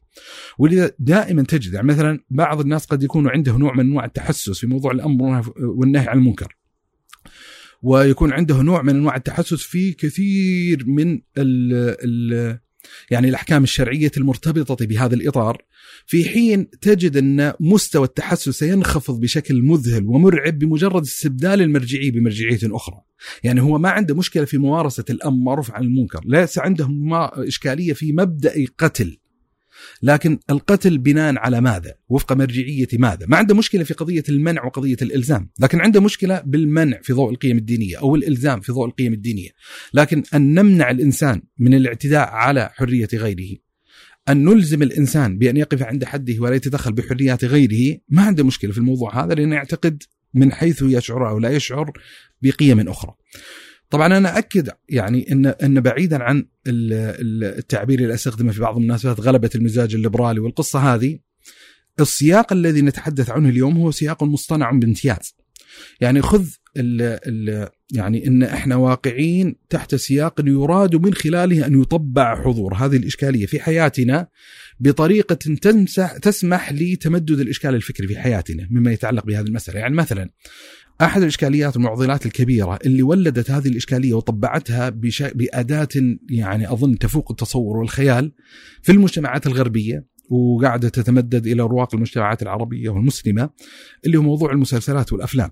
يعني مثلا كمنصة اشتهرت فيما يتعلق بهذا الباب نتفليكس على سبيل المثال يعني وليس المسألة مرتبطة فقط بنتفليكس يعني هو مرتبط بهذه الثكنة العسكرية المرعبة والكبيرة هوليوود على سبيل المثال فشاهد هنالك حزمة من الأفلام والمسلسلات التي طبعت هذا الحضور إما بشكل مكاشف يعني تصير القضية المركزية اللي يراد التأكيد عليه والتنبيه عليه ما يتعلق بهذه القضية أو بطرائق أكثر خفة في الدخول على الإنسان. يعني إن هنالك يعني ممثل على هامش اللقطة ليس مقصودا أصالة إن الحكاية تدور حوله ولكنه حاضر. بحيث يقف الإنسان يعني أجهزة المدافعة تنخفض في نفسه ويطبع هذا الحضور في وعيه وإدراكه ويكتشف يعني وكأنما اكتشف امرا جديدا. وهذا إيش كنا نأكد على معنى أن ترى هذه ليست موجبا للتكفير وهو ذنب ومعصية. نعم لكن ترى يعني مثل ما يذنب الإنسان بشرب الخمر وبالزنا وبالربا وبغيرها من المحرمات فقد يقع الإنسان في مثل هذه القبيحة. آه، لكن من يقع في هذه القبيحة قد في التصور الإسلامي يعني يتصدق على الفقراء المحسنين ويكون بارا بولده. ما عندنا إشكالية في هذا لكن في المخيال أحيانا شو اللي يصير؟ ان إن أنت تتصور صورة ذهنية بشعة عن طبيعة الإنسان وطبيعة الشخص المتعلق بهذه القضية. المشكلة ما تتوقف عند هذا الإطار. اللي يحصل الحين إن المسلسلات والافلام تضخ صورة أحيانا مستحسنة. يكون الانسان بطل يكون الانسان شهم إنسان نبيل إنسان ذو مروءه اعتبارات معينة بحيث أقل ما يقال في هذا الباب إن كثير من الناس كأنما تفتقت أذهانهم عن هذا المكتشف. إن اكتشفوا انه إن هؤلاء أناس إنهم بشر. إنما يتألمون مثل ما يتألم الناس وإنهم يفرحون مثل ما يفرح الناس. وبالتالي يتتخلق عندهم مشاعر التعاطف مع هذا الإنسان باعتباره انسانا صحيح إن أنا أختلف وإياه فيما يتعلق بميولنا بس ترى يعني ما هي مسألة تستحق المفاصلة. وبالتالي هذا جزء من المأزق والإشكال المتعلق بهذا الإطار. يعني القضية الأكثر ارعابا يعني مما يتعلق بهذا التطبيع الشديد عبر منصات الأفلام والمسلسلات وغير ذلك إنه هو قابل أن يتمدد داخل أجواء الطفولة. يعني لا يلزم بالضرورة أن يكون هنالك إرادة لتمرير هذه الفكرة بفجاجتها للأطفال لكن بيصير طبيعي جدا أن أنت أمام فيلم كرتون أسرة من رجلين أو من أمين على سبيل المثال. هذا بيصير ظاهرة طبيعية. بل بوادر هذه المسألة لو فتش الإنسان في اليوتيوب مقاطع هنا وهناك سيجد أن هنالك نمط من أنماط الأفلام الكرتون اللي قد تقع في مثل هذا الفخ ومثل هذه الممارسة. مثلا من الإشكاليات المؤكدة لطبيعة السياق الفكري الذي نعيش فيه اللي فعلا يمثل تحديا هائلا وتحديا كبيرا جدا لأن المشكلة نحن لسنا بصدد ظاهرة معرفية فقط، ليست المشكلة مشكلة فكرية فقط، نستطيع أن نجابهها بالأدوات الفكرية. بالتأكيد على المرجعيه الإسلامية والأحكام الشرعية المتعلقة بهذا الباب، لا. مشكلة السياق المصطنع إن أوجد جوا متعاطفا مع هذه الإشكالية. هذه هذا المأزق وهذه الخطورة الحقيقية هو عالم نتفليكس وعالم المسلسلات والأفلام استطاعت بامتياز أن تخلق وأن تنتزع من الإنسان حالة التعاطف مع هذه القضية. وأن آه، مثل ما يقال دائما أن كثرة الإمساس يفقد الإحساس وبالتالي يعني مشاهدة هذه اللقطة المرة الأولى الثانية الثالثة الرابعة الخامسة العاشرة بعد ذلك خلاص يتطبع يعني هذا الحضور في وعي الإنسان وذهنيته ولا يجد من نفسه المدافعة المطلوبة لها. من الإشكاليات كذلك قضية القوانين والأنظمة بالذات في المجتمعات الغربية يتعلق بهذا الإطار. يعني مثلا شرعنت الزواج المثليه الجنسية يعني جالس يتمدد بشكل كبير جدا داخل أجواء المجتمعات الغربية آه، بحيث يعني يوجد سياقا مختلفا ويوجد عندك حزمة من التشريعات والتنظيمات والقوانين المتعلقة بهذا الإطار مما يحتاج الإنسان أن يراعيه في هذا الإطار، عندنا مثلا من من القوانين الخطيرة الموجودة في المجتمعات الغربية وقد يحاسب عليها كثير من الناس متعلق بهذا الإطار ما يعبر عنه بقوانين آه، وجرائم الخطابات الكراهية. يعني أحد المصطلحات الرائجة الموجودة في المجتمع الغربي الذي يتم نبذ كل من عنده موقف متحفظ من قضية المثلية الجنسية الهوموفوبك هوموفوبك يعني معناته اللي عنده رهاب من المثلية الجنسية، طبعا أنا لا أجد مناسبة يعني أنا الحين لما أتحدث عن حرمة المثلية الجنسية أنا لا أجد في نفسي رهابا، ما أجد إن عندي رعب ولا لو شفت مثلا انسانا مثليا ينتابني مشاعر الخوف والهلع والرعب، مو بهذه القصة. وإنما يعني يعني يعني هو جزء من منظومة يعني دينية شرعية أتبناها وكراهية لهذه الممارسة والفعل ولذا حتى هذه اللافتة بس بعيدا عن مجرد العنوان واللافتة المشكلة إن من السهولة بما بمكان إن يتم تجريم من يتناول هذه الظواهر وفق المرجعية التي تبناها ولذا أحد المخاصمات الكبيرة اللي حصلت في المجتمعات الغربية وصارت مشكلة كبيرة ومحاكمات وما أدري هل وصلت إلى ال Supreme Court آه، في في الولايات المتحدة الأمريكية أم لا إن في صاحب مخبز معين صاحب المخبز متدين نصراني أتوه اثنين gays يعني شواذ جنسيا من أجل انه يصنع لهم كيكة لحفل زفافهم. فالإنسان في ضوء قيمه الخباز امتنع من الموضوع هذا إن أنا عندي موقف من موضوع المثلية الجنسية ولا يعني خلينا نقول بالتعبير الشرعي وتعاون على البر والتقوى ولا تعاون على الإثم والعدوان. فيرى انه ما يشرع له انه يستطيع المشاركة فيما يتعلق بهذا الإطار. لاحظ خفة الموضوع انه حرية الإنسان في إنحاز لمرجعيته. رفعت عليه دعوة قضائية وحديث كثير أن هل هذا يدخل في خطاب الكراهية أم هو خارج عن آه، خطاب الكراهية وداخل في حدود يعني حرية الإنسان يعني في الاعتقاد والضمير والتعبير. يعني لاحظ الحين كيف تصطرع القيم الليبرالية. الآن أي الحريتين هي المفترض تكون لها الغلبة على لصالح الحرية الثانية. فهذه كذلك مشكلة يعني موجودة. مثلا أحد المفاهيم يعني الثقافية اللي قاعد تروج يعني في نوع من أنواع إعادة إنتاج ما يتعلق ويتصل بالفضاء الجنسي في حياة الإنسان. يعني أحد المفاهيم ليست الحديثة الحين خلاص يعني تم ما أدري يعني إلى أين سنصل فيما يتعلق بهذا الإطار. عندي قضية قضية مثلا مفهوم الجندر على سبيل المثال. إن قديما كان يصنف الإنسان بناء على الجنس ذكر وأنثى. ماشي؟ الآن لا ولد يعني ولد نوع من أنواع التصنيف الجنسي بناء على الاعتبارات الاجتماعية، يعني إذا كان الإنسان بيولوجيا يصنف إنه ذكر وأنثى فمجتمعيا يستطيع الإنسان أن يتخيل لنفسه التصنيف الجنسي الذي يروق له، تبي تصير يعني كذا، تبي تصير كذا، يعني فما في ملازمة ضرورية بين الطبيعة البيولوجية للإنسان وبين خيارات الإنسان الجنسية. ولذا من الظواهر اللي اللي ناشئة إلى حد ما ليست يعني قريبة جدا لكنها حاضرة إلى حد ما وهي ظاهرة غريبة جدا يعني وإشكالية بالذات من وحي الثقافة الغربية الليبرالية ما يتعلق بقضية الضمائر. يعني أحد المشكلات الحين والتشريعات والقوانين اللي يراد تمريرها في بعض دول العالم إن للإنسان حق ان ينادى بالضمير الذي اختاره لنفسه. يعني مثلا عندهم هي شي ات على سبيل المثال.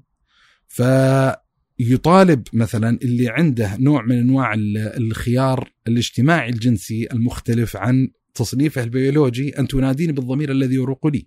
أنت تراني رجل لكن ترى شو اسمه يعني نادني شي يعني زين وفي ممانعات وأخذ وعطاء وفي قضية يعني مشهورة ربطت بجوردن بيترسون ومناظرات ويعني حتى دخول اظن يعني في يعني مجلس النواب الكندي وفي قصص وأخبار وحكايم ما يتعلق بهذا الإطار. يعني حتى في مقطع مرئي سبحان مو بتذكر تفاصيله لكنه طريف موجود لأحد الأمريكان السود.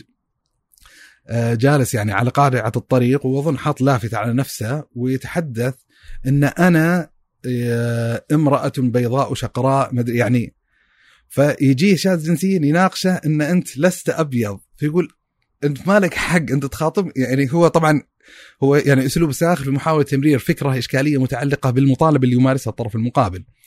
وإن مثل ما يعني أنت تدعي إن لك حرية أن تنادى بالاسم الذي تراه مناسبا لك فللمقابل حرية أن أن يتمنع من مناداتك بذلك الاسم وأن يختار اللغة التي آه، تروق له وهي اللغة الأصلية. فالشاهد يعني وخلاصة الكلام إن هنالك سياق آه، ضخم وسياق خطير وسياق آه، مصطنع وإن كثير من الإشكاليات والتحديات المتعلقة بهذا الإطار يعني تحتاج إلى تضافر جهود كبيرة جدا وتحتاج إلى نوع من أنواع المكاشفة. ونؤمل إن هذه الحلقة يعني على الأقل إنها تثير ما يتعلق بهذا الملف وتنبه إلى بعض المناطق الإشكالية، المناطق المظلمة، المناطق اللي تحتاج إلى نوع من أنواع المعالجة حتى لا يقع الإنسان المسلم في أمر أشد خطورة من مجرد الممارسة، يعني حتى أكون واضحا أنا ليس تخوفي الأصيل رقم واحد فيما يتعلق بهذا الملف من إشكالية المنكر من حيث هو.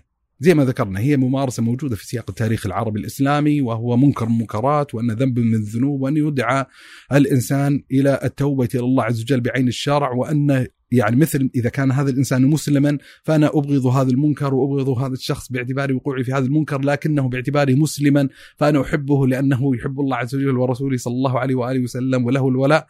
بمقدار تدينه وإيمانه وله البراء بمقدار ما وقع فيه من ذنب المعصية. يعني حاله من حال كثير من المسلمين. لكن المشكلة الخطيرة التي يعني يجب أن يعيها الإنسان وهي المشكلة التي يخشى الإنسان من تمدده داخل أجواء الشباب بشكل أكبر أن أن يتطبع هذا الحضور الفكري. ليست المشكلة في مجرد الممارسة والفعل ولا هو الإشكالية القابل للتمدد خارج مساحات معينة. يعني في النهاية يعني حتى من ناحية الإحصائية ترى عدد من يمارس المثلية الجنسية يظل محدودا جدا بإطار من عنده ميول وهذه النقطة الثالثة ممن لا يمارس هذا الأمر المحظور ممن ليس عنده أصلا ميول فهو المهدد للشريحة الشبابية الأكبر ممن ليس عنده ميول مثلية أن يقع في فخ, فخ اعتقاد حق الإنسان في ممارسة ميوله المثلية بعيدا عن اعتبارات ال ال الأحكام الشرعية المتعلقة بهذا الباب. بالإضافة لكل هذه الجهود في صيانة التصورات ربما لو أدرك الإنسان ووعى وتيقن آه، من أن الدنيا هي دار ابتلاء. وأن الآخرة هي دار الجزاء. هذا ممكن يكسر محورية اللذة اللي هي يعني جزء من أسباب آه، خلينا نقول اللي تمد يدها إلى العقل فتحرف مفاهيمه. يعني هي ترجع في النهاية إلى هذا الضغط آه، في تمحور الإنسان حول لذته. وحديث النبي اللهم صل وسلم عليه أنه حفت الجنة بالمكاره وحفت النار بالشهوات استحضارا وأنه يعني حتى لو كان عندك شيء من الميول أنه وأنت صبرت على هذا الأمر يعني إلى أن توفيت. وكنا أخذنا حديث النبي اللهم صل وسلم عليه اللي يعني وإن قيل في, في بعض من قال أنه حسن وقال أنه ضعيف أو مكذوب اللي هو من عشق فكتم فمات فهو شهيد. آه ف يعني استحضار هذا البعد وإن الدنيا دار اختبار وترى أنت النجاح فيها ليس أنك يعني تعب من متعها بل أنك يعني هذه مجرد إعادة وتلخيص لأحد النقاط اللي ذكرتها. طيب. في قضية سبحان الله ذكرت يعني كذلك حتى يدرك الإنسان حجم التحدي فقط الموجود داخل الساعة الساحة إن إحنا أمام ترى جيول من من من الجيوب النضالية الحقوقية المتعلقة بهذا الإطار، يعني اللي قاعد يحصل داخل المشهد العالمي اليوم ليس حدثا عفويا تلقائيا. ولسنا أمام يعني شخصيات متناثرة يعني تقدم جهودها متعلقة بهذا الإطار، لا في لوبيات ضغط شديده جدا. وأن كثير من السياسات اللي ترسم مما يتعلق بهذا الإطار واقع تحت ضغط هذه اللوبيات، يعني قضية مثلا شرعنه الزواج المثلية مثلا في المجتمعات الغربية ترى ليس مولدا من وحي يعني بالضرورة الثقافة المحلية والرغبة الشعبية العامة وإنما تحت سطوة وضغط اللوبيات بحيث يعني يعني من تمدد الإشكاليات المتعلقة بها أن حتى يحارب من عنده أي وجهة نظر متعلقة بهذا الإطار، من يحاول أن يقدم أي ممارسات علاجية مما يتعلق بهذا الإطار، آه، محاولة انتزاع ال ال يعني يعني آه، انتزاع القرارات والتشريعات المتعلقة بهذا الإطار. يعني مثلا من الممارسات الحين اللي قاعد تتمدد في الفضاء الغربي قضية يسمونها تمييز الإيجابي. فكرة يعني يعني شعور بالمظلومية من سلف وتاريخ ماضي وأن المظلومية السابقة سمحت لأناس معينين تتحقق لهم غنى رفاه آه، دخول في جامعات اعتبارات معينة. وبالتالي يعني أحد العلاجات والحلول السياسية أحيانا تمارس اللي هو نوع ممارسه نوع من أنواع التمييز الإيجابي لشريحة المجتمع المعينه بحيث يعني يعطونا فرصة للحاق. فتلاحظ الحين مثلا من القرارات اللي سمعناها قريبا اللي هو قضية مثلا جائزة الأوسكار سيطالب بحلول السنة الفلانية أن لابد يكون في الطاقم التمثيلي أو في التصويري أو في كذا نسبة من يعني من من أصحاب الميول المثلية. على سبيل المثال وتجد مثلا ممكن يصير لك مثلا في دولة معينة أن أعضاء الكونغرس في كوتا معينة مثل ما يعني بعض الدول يقول لك في كوتا مثلا للنساء. على سبيل المثال فبيكون في كوتا وهكذا. فيعني في يعني في إشكاليات كثيرة جدا. أظن صعب حتى يعني إدارة هذا الملف. والمشكلة الموجودة عندنا إن إن كما يقول يعني ابن خلدون إن المغلوب مولع بتقليد الغالب وأن كثير من الإشكاليات اللي تعصف المجتمعات الغربية يعني مهددة إلى شكل كبير جدا للمجتمعات العربية. وفي ظل يعني التواصل المفتوح وفي ظل الإنترنت وفي ظل التصدير المرعب والهائل اللي صدره هوليوود علينا فالموضوع فعلا يعني يمثل تحديا هائلا تحديا كبيرا. وما دمنا غير قادرين على الصناعه فحتى في التفاصيل الصغيرة بيدخلون يدخلون هذه الرسائل زي مثلا آه، رموز تعبيرية في الإيموجي. اي الإيموجي وصارت في يعني بعض الإيموجيز اللي تحاول تعبر عن هذه الفكرة. آه طيب لما نجي الحين لبعض الشبهات المطروحة في آه قضية المثلية. زي مثلا إن هذا مو هو بشذوذ، لا هذا شيء طبيعي وجينات والناس مولودين بهالشكل يعني. هذا كيف يرد عليهم؟ يعني آه، في طبعا يعني أعتقد إن في مقدمة وإطار كلي يحتاج دائما يستصحب الإنسان في معالجة ملف الشهوات بشكل عام وخصوص القضايا اللي نتكلم عنها الآن. يعني أحد أحد الأدوات في معالجة الشبهات والإشكاليات التي لا أمل من التنبيه والتذكير بها يعني مثل قول الله عز وجل هو مستحوى مستوحى من من مثل قول الله تبارك وتعالى. هو الذي أنزل عليك الكتاب منه آيات محكمات هن أم الكتاب وأخرى متشابهات. فأما الذين في قلوبهم زيغ فيتبعون ما تشابه منه ابتغاء الفتنة وابتغاء تأويله ما يعلم تأويله إلا الله والراسخون في العلم يقولون آمنا به كل من عند ربنا. فكرة المحكم وفكرة متشابه يعني الفكرة الأساسية الآن يجب أن يتقرر في وعي الإنسان المسلم أن هنالك أدلة شرعية محكمة فيما يتعلق بحرمة الممارسة المثلية. طيب ورد الحين عندك شبهة. واشكاليه يقول لك ترى هذه الممارسة ليست ممارسة شاذة هي ممارسة حاضر في عالم الحيوانات والبهائم. وإن عالم الحيوانات والبهائم كلما اقتربت إلى إلى أن تكون نوع من أنواع المجتمعات زاد فيها حضور مثل هذه الظاهرة. فيحاول أن يطبع وإن بالتالي الإنسان ليس نشازا ليس فعلا شاذا في الطبيعة. فليش هذه الحملة الموجودة عليها؟ أنا اللي قاعد أنبه عليه وأؤكد عليه إنه يجب أن تعي إنه يجب عليك تستمسك بالمحكم الشرعي المتعلق بهذا الباب وأن عدم درايتك التفصيلية بوجه الجواب عن شبهة الإشكال لا يبيح لك نقض بنيان المعنى المحكم الموجود في نفسك. يعني مثل ما يقول الله عز وجل وفوق كل ذي علم عليم وأن يعني إذا علم الإنسان شيئا فبالإمكان وبطبيعة الحال أن تفوته أشياء. وأن الإنسان لا يستطيع أن يحيط بكل شيء علما وانه يمكن أن يفضي الإنسان إلى الله تبارك وتعالى وقد جهل قضية أو جهل مسألة من غير أن تعكر صفو إيمانه وتدينه ويقينه. يعني من الماحات الجميلة اللي وقفت عليها في كلام للعز بن عبد السلام عليه رحمة الله في كتابه قواعد الأحكام. كان يتحدث صراحة لقطة جميلة جدا كان يتكلم عن نوع من أنواع المناسبة بين الحكم الشرعي وبين العقوبة المترتبة على ذلك الحكم الشرعي يعني كأنه بيقول لك في قاعدة أنه كلما كان الذنب أغلظ ترتبت عليه عقوبة أغلظ وهكذا يعني تستمر العملية. فالزنا يترتب عليها كذا وكذا وكذا يعني من الإشكالية في الحياة الدنيا وبالتالي غلظ ما يتعلق بالمعاقبة المترتبة عليه. شرب الخمر يترتب عليه كذا وبالتالي رتب عليه الشريعة ما يتعلق بهذا. جلس يسترسل في الحديث فلما تكلم عن قضية الربا قال لك إن عندنا حرمة الربا وأن الربا من كبائر الذنوب ثم بدأ يستعرض نمط العقوبات التي رتبت عليه. أن فأذنوا بحرب من الله ورسوله.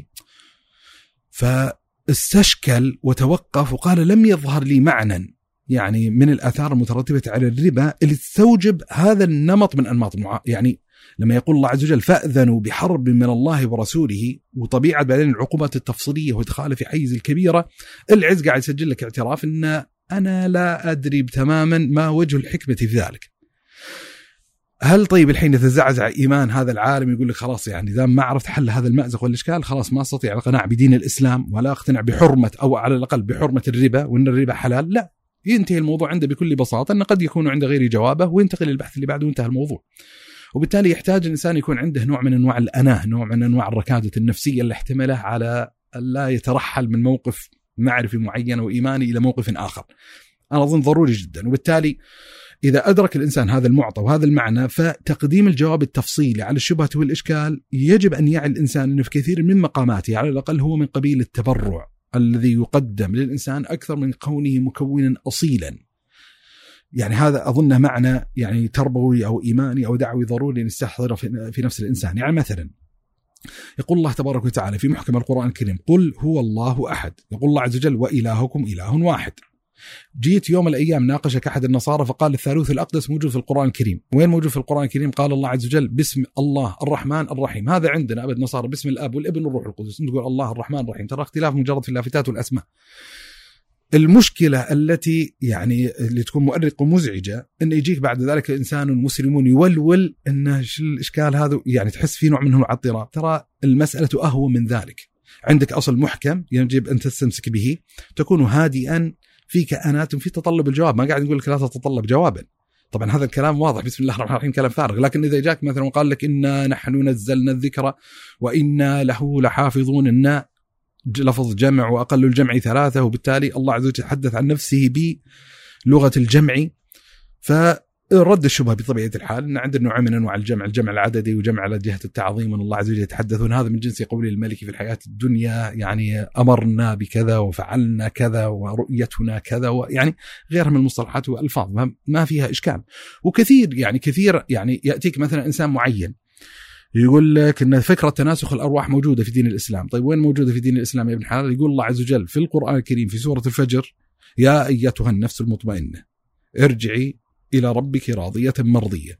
فادخلي في عبادي وادخلي جنتي. إن الروح بعد وفاتها تدخل في عباد الله عز وجل. ومش مقصود انها تدخل في حزمة عباد الله عز وجل تدخل في عبد معين. اللي فكرة تناسخ الأرواح أن مات الإنسان تترحل جسده إلى جسد آخر. فواضح أن افترض جدلا أن وقع عندك شبهة وإشكال ما يتعلق بهذا الباب؟ فضروري. فعودا القصة هذه. لما يجيك واحد يقول لك ترى هذه ممارسة طبيعية موجودة في عالم الحيوانات والبهائم. عندنا عدة يعني ملحوظات نحتاج ندركها. أول مأزق أصلا اللي هو مأزق المرجعية مأزق الرؤية الكونية. إحنا نسجل اعترافا أن نحن لا نتعامل مع الإنسان باعتباره حيوانا. أحد مخلفات الحداثة الغربية برؤيتها الداروينية التعامل مع الإنسان باعتباره حيوانا مطورا. وأن الأحكام المنطبقة على مملكة الحيوان ترى منطبقة على هذا الإنسان وأن كثير من التجارب التي تمارس هنا يرحل أحكامه ونتائجه على هذا الذي نعتقده أن الله عز وجل قد خلق الإنسان خلقا متميزا وأن الله سبحانه وتعالى قد كرم هذا الإنسان وأن غرائز الإنسان وإن اشتركت مع الحيوانات في مجالات معينة لكن يجب على الإنسان ألا يكون محكوما بغرائزه. هنالك مرجعية أخلاقية ولذا المأزق وهذا أحد كذلك الأدوات يعني في مقام المناقشة وكذا أخذ المقولات لنهايته المنطقية، معرفة إيش اللوازم والآثار التي تترتب على تبني هذه الرؤية الكونية. لو أعطينا الإنسان هذا الحق وهذه المساحة قلنا أي فعل موجود في عالم الحيوانات باعتباره فعلا طبيعيا فهو طبيعي الصدور من الإنسان. ترى في عالم الحيوانات يحصل الاغتصاب. هل يطالب بوقوع الاغتصاب بين بني آدم؟ ترى يحصل عندهم قتل. هل يحصل عندنا قتل بين بني آدم؟ يحصل أشياء كثيرة جدا. هل تريد أن تسرب كل الأحكام المتعلقة بهذا الفضاء إلى هذا الفضاء؟ ف المرجعية الحاكمة التي تحسم ما يتعلق بهذه القضية هي المرجعية الأخلاقية التي أقام الله تبارك وتعالى لنا بحيث الإنسان يصدر عن أمر الله تبارك وتعالى ويعرف حدود ما له وحدود ما عليه، يعني الممارسة الجنسية وإن اشترك الإنسان فيها مع الحيوان لكن لها حدودها لها ضوابطها لها أحكامها الشرعية التي أباح الله عز وجل فيها شأنا لمصلحة الإنسان وهنالك ما حرم الله تبارك وتعالى، طبعا يستطيع بعدين يتوغل الإنسان أكثر فيقول لك أنه يجب أن يدرك الإنسان أن طبيعة البواعث لهذه الممارسة اللي تقع في عالم الحيوانات لا يلزم بالضرورة أن تكون من جنس البواعث الموجودة عند آه الإنسان، يعني في فرق أن إذا كانت هذه الممارسة تمارس أحيانا مثلا في عالم الحيوان للتعبير عن الهيمنة وعن السيطرة على سبيل المثال. فهذا مختلف جذريا عن الممارسة المثلية الواقعة في عالم الإنساني كنموذج. فالشاهد يعني شاهد الكلام ان إن لا يحتاج الإنسان أن يتوغل كثيرا في إدراك مفصل ما يتعلق بالجواب التفصيلي على الموضوع هذا، نحن يعني نستطيع أن نعترف إنه عادي طيب كان موجود في عالم الحيوان، فكان ماذا؟ فكان ماذا؟ يعني البهائم تأكل مأكولات معينة، نحن نقول لا يجوز الإنسان أن يأكل مأكولات معينة، في أشياء كثيرة من الأحكام موجودة ولا تستطيع طردها. ومع ذلك أنا قلت يستطيع الإنسان أن يتدخل أكثر فيدرك يعني من خلال يعني الدراسات النفسية المتعلقة بعالم الحيوان إيش طبيعة البواعث، وأن لا يلزم كذلك أن تكون البواعث هي من جنس البواعث اللي يراد استجلابها إلى فضاء آخر. جميل. أي. ولو قال لك أحد انه طيب الحيوانات عندها قتل وعندها اغتصاب. إذا بما أنهم يعني خلاص واضح إن الموضوع مو منطق. طيب ولو جاء واحد قال لا في أسباب بيولوجية عند الإنسان نفسه إيه. في جينات وفي سا- سالفه معينة يعني إيه. طبعا في يعني في دعوة موجودة يعني أنا ما أعرف دراسة علميه محققه محرره ولا أعرف إن هنالك نوع من أنواع الوفاق العلمي فيما يتعلق بهذا الإطار إن يعني في دعوة يحاول أن يضغط عليه والمشكلة الموجودة عندنا إن الفضاء العلمي المتعلق بهذا الباب لا يلزم أن يكون فضاء علميا نزيها تمام النزاهه بل هو كغيره من مجالات الفضاء الغربي واقع تحت قيم يعني وضغط لوبيات المثلية وبالتالي يعني في مشاكل حقيقية تصطرع ال- ال- المسائل المتعلقة بهذا الباب، لكن يستطيع الإنسان يقول يعني خلينا ناخذها عدة مستويات. من ناحية النظر الشرعي ليس عندنا إشكالية في كون الله تبارك وتعالى قد قد أوجد شيئا من هذا في بيولوجيا الإنسان في في شفرته الوراثية وجيناته أو اعتبار من الاعتبارات. لكن لا يستطيع الإنسان القفز من هذه النتيجة رقم واحد بادعاء إن العامل الحاسم المسيطر على الإنسان هو هذا عامل وحده. ولذا حتى وجدت يعني عدد من الدراسات يعني الغربية مثلا في دراسة موسعة أجريت على عدد كبير من التوائم لقياس التوائم المتطابقين جينيا لقياس يعني مدى حضور قضية المثلية الجنسية في حياتهم، يعني بمعنى إذا كانت البواعث من الشفره الوراثية هي العامل الحاسم المؤثر رقم واحد فمعناته إيش اللي سيحصل؟ سيحصل إن كل التوائم أو نسبة هائلة على الأقل من التوائم بيكونون انخرطوا في هذا السلك. والواقع يشهد أن أقلية هم اللي حصل منهم ممارسات مثلية أن توأمين متطابقين حصل منهم وأن أكثرية التوائم عندهم يعني آه، في نوع من أنواع ممكن يحصل نوع من أنواع التغاير يعني في الميول المتعلقة بهذا الباب. بما يؤكد على عدم هيمنة البعد البيولوجي بشفرته الوراثية فيما يتعلق بهذا الإطار وأن هنالك عوامل أخرى مثل التنشئة الاجتماعية، الحياة التربوية، تجربه الانسان الحياتية، يعني في أشياء كثيرة تدخل في تشكيل وعي الإنسان. يعني مثل ما نقول ما في مشكلة أن يكون هنالك أثر بيولوجي يجعل الإنسان أكثر رقة أو أكثر قسوة، أكثر ذكاء أو أكثر غباء أو أي اعتبار إن في مكون بيولوجي ممكن له أثر لكن لا يلزم بالضرورة أن يكون الإنسان مقيدا بشفرته الوراثية، قد يستطيع الإنسان أن يخترق، قد يستطيع الإنسان أن يخفف من حدة، قد يستطيع الإنسان أن يكبت. بعض هذه النوازع في ضوء اعتبارات يعني ال ال الاجتماعية أو التربوية أو أو أو من الاعتبارات الأخرى، هذه يعني يعني قضية ضروري ملاحظتها، ولذا أذكر يعني قديما أنا مش متأكد 100% الآن لكن أذكر إني مررت على مقالة لريتشارد دوكنز اللي هو يعني أحد رؤوس الإلحاد الكبرى وكان يسجل اعترافا إن حتى لو قدر وجود يعني أثر للشفرة الوراثية في هذا الباب فليس أثره هو الأثر الحاسم فيما يتعلق بهذا الإطار. لابد أن يعتبر الإنسان الأثار الأخرى متعلقة. طيب لو أخذنا المسألة لنهاية المشوار إن الله تبارك وتعالى قد خلق انسانا وخلقه ابتداء بهذه الميول المثلية.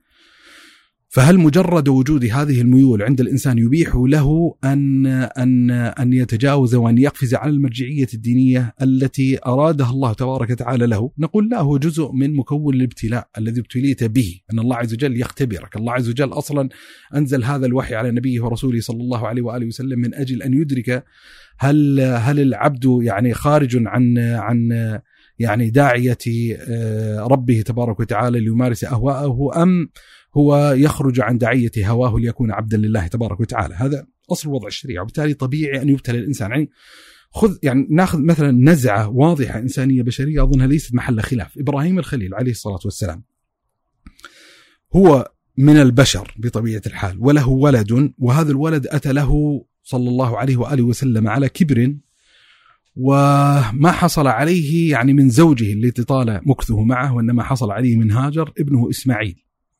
ولما بلغ هذا الابن عمرا يفرح به الأب أمره الله تبارك وتعالى بقتله، طيب الحين خلينا نقيم نفس التوازن، ألا يوجد هنالك ميول من الأب وهنالك نزعة رحمة تحتمل على المحافظة على هذا الابن، طيب ابتلي الحين هذا الأب بقتل الابن. فما هو المحكم في هذا الإطار؟ هل هو الميول ولا المحكم المرجعيه؟ فنقول المحكم المرجعيه. الله عز وجل يعني من الذنوب الكبرى التي وقع فيها بني إسرائيل إنهم عبدوا العجل، الله عز وجل ابتلاهم واختبارهم بالتوبة إلى الله سبحانه وتعالى بأن يقتلوا أنفسهم. مدرك الإنسان أن هنالك نزعة ضرورية جدا الإنسان في نفسه لمحبة البقاء واستحفاظ حياته وبالتالي ابتلي بهذه القضية. فلو أخذت المسألة يعني خلينا ناخذها إلى آخر المشوار إن في إنسان معين ابتلي بهذه القضية فحاله من حال جنس أو إنسان آخر ابتلي بالقضية باء واختلف جيم وهذا وينظر الله تبارك وتعالى إيش اللي ستحكم في حياتك؟ هل ستحكم مراده سبحانه وتعالى أم تحكم مرادك أنت؟ وزي ما ذكرنا وجود هذا الميل ثم ترتب الممارسة على هذا الميل. ترى هو ذنب ومعصية والمسلم في هذه الدنيا ترى في دار عراك مع نفسه مع الشيطان تغلبه تارة ويغلبها تارة. وان المطلوب أن الإنسان كلما أحدث ذنبا أن يحدث توبة الله سبحانه وتعالى ويرجع إليه سبحانه وتعالى ويؤمن رحمته سبحانه وتعالى. وإذا كان حال العبد صادقا في هذا الباب فيؤمل من رحمة الله عز وجل. علم عبدي أن له ربا يأخذ بالذنب. ويعفو عنه غفرت لعبدي فليعمل ما شاء الحديث الصحيح الشاهد يعني ما يجد الإنسان يعني حقيقة شبهة مستحكمة تحمله على التنازل عن المرجعية الشرعية الدينية المتعلقة في هذا الاطار لصالح يعني شرعنة مثل هذه الممارسة والاعتراف بحق الإنسان في الممارسة فيها. جميل. قف على ناصية الحدود الشرعية وقاتل. جميل. طيب الواحد قال يلا الحين واضح إنها محرمات مثلها مثل الكذب الغيبة النميمة طيب إيش علاقة التجريم فيها. ما يجي واحد يعني مو كل من صار عنده نميمه غيبة كذب نجي نجرم العملية ونرتب عليها تجريم قانوني. جميل. حلو؟ هذاك مفصول ذاك ما له علاقة التجريم القانوني. ما هو بكل محرم يجرم قانونيا. طيب. هذا الجواب هذا السؤال إيش جوابه؟ إداري يعني هذا أنت تتبناه أن ليس كل محرم مجرم قانونيا ولا؟ أنا متبني. اللا تبني. طيب. حلو هذه لا تبني هذه بحطها في قاموس معجم.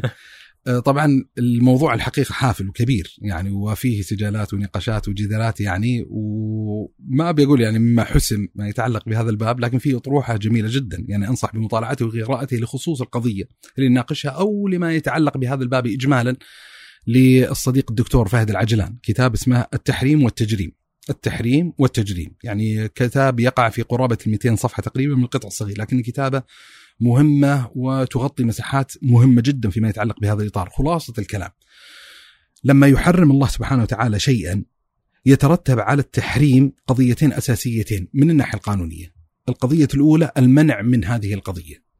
يعني بمجرد ما يحرم الله عز وجل شيئا على عباده فيجب أن يمنع هذه القضية داخل إطار المجتمع يمنع بقوة القانون. رقم اثنين أن تترتب عليه العقوبات الشرعية التي جعلها الله عز وجل لهذا الأمر الممنوع. فعندنا هذه القضية يعني هذا هو التصور. يعني المشكلة الموجودة أو في الشبهة المستصحبة اللي هو محاولة الفك الارتباط بين الفضائين بحيث يعتقد الإنسان أن أنا أعتقد أنه محرم وأن الواقع في هذا المحرم معاقب لكن معاقب عند الله عز وجل في الآخرة. لكن في الحياة الدنيا ما لم يعني يتخذ قرار بإدخاله في حيز التجريم القانوني فلا يكون الحكم الشرعي يترتب له اثره في الدنيا.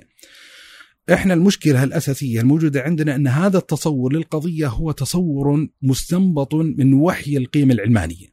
اللي هي تفصل بين الشريعة وبين القانون، تفصل بين الشريعة والسياسة، تفصل بين الشريعة والدولة، تفصل بين الشريعة والحياة. بحيث يعني لم يكن موجودا في تصور المسلمين بتاتا إن الله سبحانه وتعالى يحرم على الأمة المسلمة شيء ثم يحتاج المسلمون بعد ذلك إلى إلى خطوة أخرى من أجل ادخاله في حيز التنفيذ. يعني التصور المس... ال... ال... الذي يستبطنه هذه القضية شو يقولون؟ يقول لك الله عز وجل إذا حرم قضية معينة فالخطوة الأولى أن يعتقد المسلم أن هذا الأمر محرم من عند الله سبحانه وتعالى نعتقده. ثم نحتاج إلى نوع من أنواع يعني كأنما يراد كأن نوع من أنواع التصويت الشعبي أو يعني أي جهة من الجهات جهة تشريعية معينة بحيث أنه ينقل هذا الأمر المحرم شرعا إلى حيز التجريم القانوني. وما لم يمارس هذه الممارسة تجيش الإشكالية سيكون هذا الأمر المحرم على المستوى الاجتماعي مباحا. سيكون مباحا يعني بل ليس مباحا بل امرا مباحا محفوظا بقوة القانون بحيث يعني يعني انه ممكن يصل الحال إن مجرد التصريح والتعبير عن استهجان هذا الأمر قد يصير انه نوع من أنواع الاستهجان للتشريع والنظام القانوني. وهذه سلسلة يعني من الإشكاليات التي يعني هي أجنبية كما ذكرنا في التصور الإسلامي ويستطيع الإنسان العودة لكتاب الشيخ فهد العجلان يعني آه، للاستفاضة في بحث هذه المسألة يعني والكلام الحقيقة فيها كثير لكن المقصود يعني خلاصة حتى بس نرتب الموضوع في إطار على الأقل موضوعنا اللي هو موضوع الممارسة المثلية الله عز وجل حرم هذا الفعل ولم يقتصر الأمر على مجرد تحريم هذا الفعل بل هنالك عقوبات مترتبة عليه.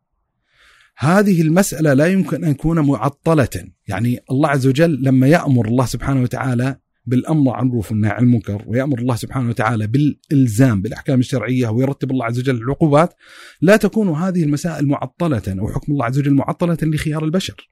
انه يختار الإنسان إني أريد ان أنفذ حكم الله عز وجل أو لا أريد أن أنفذ حكم الله عز وجل. وما كان لمؤمن ولا مؤمنة إذا قضى الله ورسوله أمرا أن يكون لهم الخيارة من أمره. ما في اختيار خلاص. يعني هو بس الإنسان ينتظر لحظة معرفة حكم الله عز وجل في المسألة. وإذا إذا نظر الإنسان في واقع المجتمع المدني لا يجد يعني لا يجد حوارا يعني نظاميا تشريعيا قانونيا صاحب خطوتين. إن ترى إحنا نؤمن بك يا رسول الله باعتبارك نبي من عند الله عز وجل. قلت لنا الأمر حرام الخمر حرام. طيب استنى شوي. يجتمعون الصحابة ها إيش رأيكم؟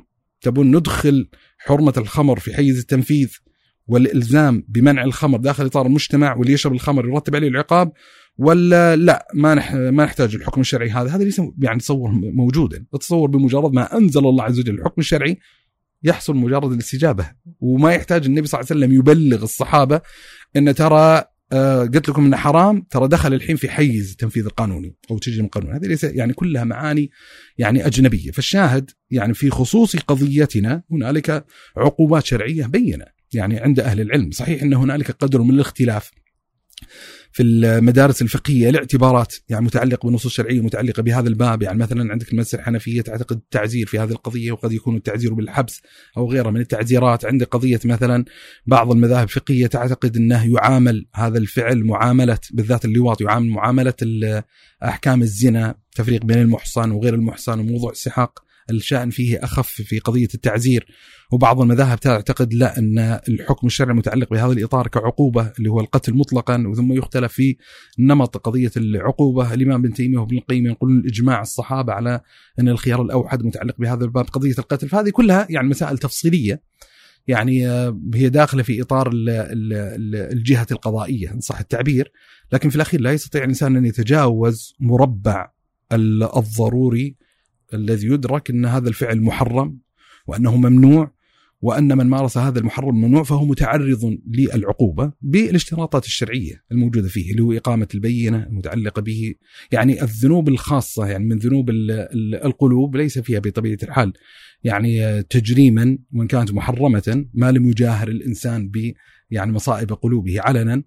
وقضية الذنوب الخلوات التي لا يقام فيها البينة الشرعية ما جاهر ولم تقم البينة الشرعية المطلوبة لإدراك ومعرفة وقوع هذا الذنب فبطبيعة الحال لا يكون مجرما في تصور الإسلام يعني في في المجال إن صح التعبير القانوني لكنه مجرم عند الله سبحانه وتعالى والأمر إليه سبحانه وتعالى. آه في سياق التفريق ما بين المثلية والممارسة اللي هو الميول والممارسة. إيه. آه أذكر في في بداية طرحنا الموضوع كان فيه من جهتك يعني يمكن ممانعة من من اختيار هذا الموضوع الحلقة. ثم حصلت لك يمكن قصة. أيوه هذا سبب. هذا أيوة. عندنا السبب الثاني لل... لطرح الحلقة. هو اللي حصل يعني واللي ابتعث ضرورة إنه يطرح الملف صراحة لأن في منطقة كانت مع المستوى الشخصي هي منطقة غائبة تماما عن الوعي. يعني ما يعني لما كنت أفكر في موضوع اشكاليات المثلية الجنسية فما كان يحضر في بالي فيما يتعلق بهذا الإطار إلا المسار الأول والمسار الثاني. الفضاء الأول فضاء جغرافيا ما يتعلق بهذه المسألة كان واضحا. عندي هذه المساحة وعندي هذه المساحة. اللي حصل انه أتاني أحد الشباب قبل مده يعني غير قريبة جدا يعني مع مع مع بداية البودكاست إن صح التعبير. الشاب هذا أتاني يعني وكنت أظن إن إشكالياته يعني متعلقة بباب الإلحاد وغيره وكذا ونقاش ويعني الصدر واسع استقبال الشباب والسماع منهم محاورتهم مناقشتهم وإذا استطاع الإنسان يقدم معالجة وينفع اخا له في الله عز وجل فهذا هو المنى.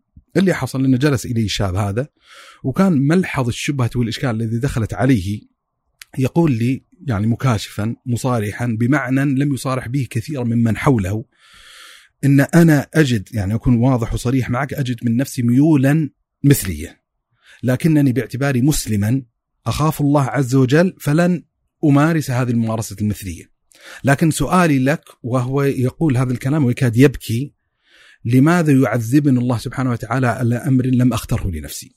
لماذا يعذبني الله عز وجل على أمر خلقه فيه؟ يعني هذا موطن الإشكال يعني يشعر إن سيكون محل المؤاخذة والمعاقبة بمجرد وجود هذه الميول المثلية وهو يصرح لك البني آدم أن ترى باعتبار خوفي من الله سبحانه وتعالى فترى أنا لن أقوم بمنشط أو فعل يعني أغذي فيه هذه النزعة الموجودة فيه، لكن سؤالي لك لماذا يعذب الله سبحانه وتعالى عبدا يعني لم يوجد في نفسه مثل هذه الميول. ولذا يعني حتى أحد القضايا اللي نحتاج أن نؤكد عليه إحنا ما يعني أنا ما قاعد أقدم أي تصور فيما يتعلق بأسباب وجود هذه الميول. يعني في حديث انه قد يتعرض الإنسان في صغره لتحرش على سبيل المثال أو ينشأ تنشئة معينة حرمان من الأب على سبيل المثال أو الأم تنشئة اجتماعية أثر بيولوجي معين. يعني في قصص وحكاية كثيرة يستطيع الإنسان العودة إليها. لكن في نهايه المطاف يستطيع الإنسان يتعقل أن توجد هذه النزعة وأن هذه النزعة قد توجد بطريقة غير واعية في نفس الإنسان بحيث ليست بالضرورة يعني كانت واقعة منه بمحض اختياره. وأمارة وجود هذه النزعة وهذا الميل مثل قول الله عز وجل تأتون الرجال شهوة؟ بمعنى أن قد يحصل يعني نوع من أنواع الإشكال في فطرة الإنسان بحيث يميل إلى إلى إلى جنسه فهل يكون محلا للمعاقبة؟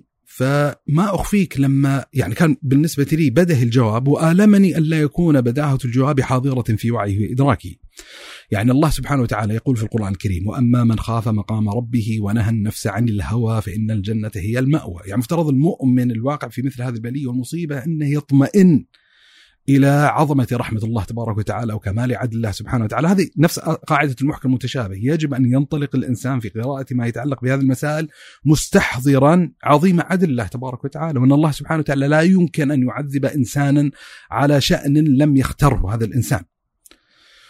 بل الأعجب فيما يتعلق بخطاب الوحي أن يكون محلا للمجازاه والمكافأة والثواب. ولمن خاف مقام ربه جنتان. إذا إذا إذا امتنع الإنسان عن الذنب والمعصية تحت مطارق الخوف من ربه تبارك وتعالى ترى ليبشر بعظيم الأجر من الله سبحانه وتعالى. هذا أحد أبواب بل أحد أكبر أبواب الأجر والمثوبة عند الله سبحانه وتعالى. النبي صلى الله عليه وسلم في حديث رائع وجميل جدا وقلما يعلق الإمام النووي في الأربعين النووي على حديث لكنه علق على مفردات ولمحات إيجابية جميلة جدا وإيمانية مما يتعلق بهذا الحديث، إن الله كتب الحسنات والسيئات، ثم قال النبي صلى الله عليه وسلم: فمن هم بسيئة فلم يعملها كتبها الله عنده حسنة كاملة. فيعلق النووي يقول لاحظ الملحوظة الأول كتبها الله عنده لاحظ الامتياز الموجود. ثم قال حسنة كاملة إنها غير منقوصة هذه الحسنة. يعني إنسان عزم على الوقوع في ذنب معصية ثم تذكر رحمة الله عز وجل تذكر عقاب الله عز وجل خاف من الله أي اعتبار امتنع لأجل الله سبحانه وتعالى من هذا الذنب والمعصية فالله عز وجل ليست المسألة لا لك ولا عليك لا.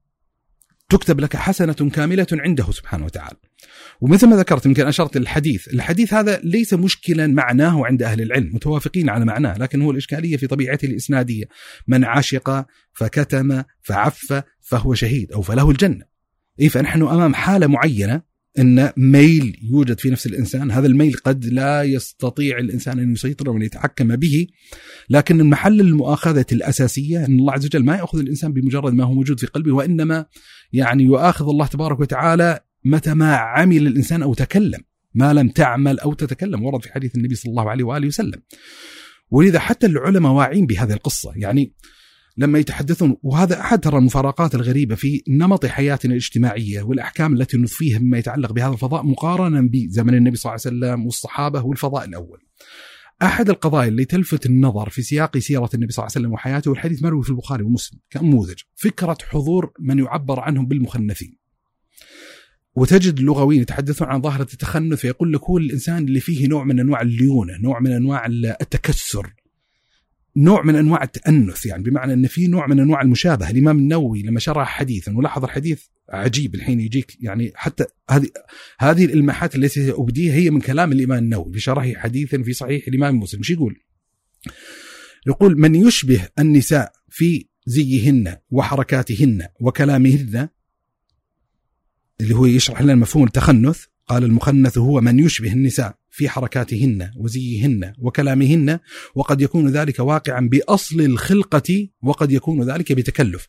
وسياتي التفصيل. لاحظ الحين هذه الإلماحة الأولى اللي اعطاك إيحاء إن ترى الطبيعه النفسية المتعلقة بهذه الأبواب قد تكون جزءا منها بأصل الخلقة. ثم يقول المخنث ضربان بعد بحث يقول المخنث ضربان. نوع لا يقع منه هذا الفعل بتكلف يعني لا يتكلف التشبه بالنساء في زيهن وكلامهن وكذا وإنما هو خلقة خلق الله عز وجل عليه. لاحظ التعبيرات اللي استخدمها الإمام النووي في التعبير عن الأحكام المتعلقة بهذا الحالة. قال فهذا لا ذم عليه ولا عيب ولا إثم ولا عقابة فإن الله عز وجل لا يعاقب الإنسان عن مجرد كذا كذا ولكن يتحدث عن الضرب الثاني الذي يتكلف ذلك. الذي يتكلف التشبه وكذا كذا وهذا الذي يدخل في مثل قول النبي صلى الله عليه وسلم لعن الله متشبهين من الرجال بالنساء ومن النساء بالرجال. وذكر يعني لعن الله الرجل يلبس لبوس المرأة والمرأة تلبس لبوس الرجل يعني. فهذه إشارة أعتقد أنه مهم يعني تفعيلها وإدراكه ولذا جاك بعدين الحين له اتصال بحديث أن في حديث أن كان المخنثون في الزمن الأول يدخلون حتى في بيوتات النبي صلى الله عليه وسلم باعتبار عدم وجود الشهوة. يعني التخنث نوع من أنواع الليون نوع من التكسر وعدم وجود الشهوة للنساء. فكان في تسمح في دخولهن في دخولهم اللي حصل أن النبي صلى الله عليه وسلم التقطت أذنه تعبيرا لأحد المخنثين قال يا فلان إذا افتتح الله عز وجل الحصن الفلاني يعني في حصن وكذا فعليك بفلان يعني إذا وقع في الأسر فلانة وصارت جارية فعليك فإنها تقبل بأربع وتدبر بثمان نوع من أنواع يعني التعبير عن حسن هذه المرأة وجمالية متعلقة بها. فلما وعى النبي صلى الله عليه وسلم أن هذا متفطن لمواطن الجمال من المرأة أمر نساءه بأن لا يدخلن عليكم. ما يدخلون. جيد. الملحوظة حتى اللي أبداها الإمام النووي أن النبي صلى الله عليه وسلم لم ينهر هؤلاء ابتداء. ما قال إيش فيك؟ ليه ما تسترجل؟ لأنه واعي النبي صلى الله عليه وسلم إن هذا جزء من طبيعة خلقته. ويجد الإنسان في تعامل اليومي أحيانا تجد إنسان معين نغمة صوته أداء كلامه يعني فيه نوع من أنواع الليونة. يقترب نغمة صوته أحيانا من هذا الإطار. أو البنت بالعكس قد تبتلى مثلا بقضية معينة متعلقة بهذا الإطار. فالنووي يرصد هذه الملاحظة أن النبي صلى الله عليه وسلم لم يجرم هذا الفعل ابتداء بل كان في توسع في التعاطي مع هذه القضية. غير إنه يعني يستطيع الإنسان بقدر من الارتياح يقول إن هنالك من صحابة النبي صلى الله عليه وسلم من وجد على هذه الهيئة، صحيح إن لم يكن المشهد يعني متمددا حاضرا بشكل كبير جدا كما ليس حاضرا حتى في حياتنا الاجتماعية اليوم، لكن يظل موجودا. وبالتالي يعني ليش أنا أذكر هذا المعنى؟ مع أن كونه ليس مطابقا تمام المطابقة للمطلوب عندنا لكن يعني يدرك الإنسان أنه هنالك نوع من أنواع نوع من ال يعني اعتبار أصل الخلقة فيما يتعلق بهذا وأن الميول التي يجدها الإنسان في هذا الإطار لا يكون محاسبا إلا إذا كان يعني هنالك نوع من أنواع ال ال ال الاختيارات الموجودة عند الإنسان. يعطيك العافية أبو صالح. جزاكم الله خير. ولعل هالحلقه تكون سبب في ابتعاث هذا الحديث من جديد ومثل ما أنه إذا قيل موضوع الإلحاد يعني يشار بالبنان إلى أسماء معينة تكون مرجعية فممكن يكون فيه أسماء مرجعية يعني مثلا قضايا التربوية أو قضايا التعامل مع الناس المحيطين ف يعني لعل هالحلقة يكون لها دور في هذا الابتعاث. يعني هو التأكيد يعني على النقطة هذه والاشكاليه اللي طرحتها يعني عدم التنبه لهذا الفضاء وأنا سجلت اعتراف إن هذا المعنى كان مغيبا عني اللي هو غيبة وجود المجهودات الحقيقية في تقديم المعالجات والاحتياجات يعني الفضاء الذي تكشف لي وجود من هو مبتلا حقيقه بمثل هذه الميول زي ما ذكرنا لأي اعتبار من الاعتبارات وجدت لكن هذه الميول موجودة وعندهم طمع من أنفسهم أن لا يقعوا في محرم حرمه الله تبارك وتعالى عليهم لكن يحتاجون إلى معاونة، يحتاجون لمعاضده، يحتاجون إلى من يستشيرونه، إلى من يفضون إليه بهمومهم، إلى إلى إلى. مشكلة غيبة يعني هذه المساحة من وعينا خلفت عندنا مشكلة كبيرة في عملنا الدعوي عدم وجود من ينبري لتغطية هذه الاحتياج وهذه المساحة الدعوية، فأنا أظن أن لو لم يعني يصل من نتائج هذه المساحة وهذه الخارطة إلا الحديث عن هذه القضية أعتقد أنه مهم وجيد. ولذا من المعاني اللي أؤكد عليها وهي من الرسائل المذهلة اللي طلعت عليها. يعني وتؤكد حجم الاحتياج لتغطية هذه المساحة. في رسالة كتبها أحدهم باللغة الإنجليزية اسمه يوسف سلام. عنوان المقالة إن لم أكن واهما باللغة الإنجليزية رسالة من مسلم مثلي. وتكلم في الرسالة الحقيقة عن هذا المحور وهذه الفكرة أنه هو مسلم ابتلي بهذه القضية وأن بحمد الله عز وجل تزوج وأن الله عز وجل قد أكرمه بمودة زوجته وأن كان في هذا الزواج خير له ومعالجة جزئية المؤزق اللي هو فيه ولا يلزم من ذلك أن يكون خيار الزواج حلا لكل من هو مبتلى بهذه القضية. لكن تكلم بكلام جميل جدا في المقالة يعبر عن هموم وعن آلام وعن عذابات هذه المساحة من المسلمين.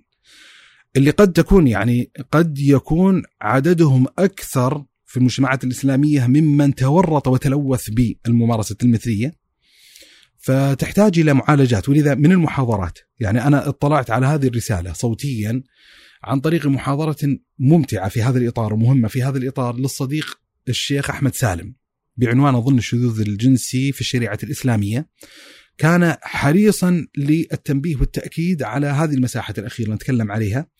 والمقالة حاولت أفتش عنها ما استطعت أني أصل عليه إليها. طبعا كان الشيخ يتحدث يعني مبشرا أن ستترجم هذه المقالة للغة العربية وسيكتب لها مقدمة وهي طويلة ليست قصيرة المقال. يعني هو تحدث أنها هي قرابة الأربع ألاف كلمة.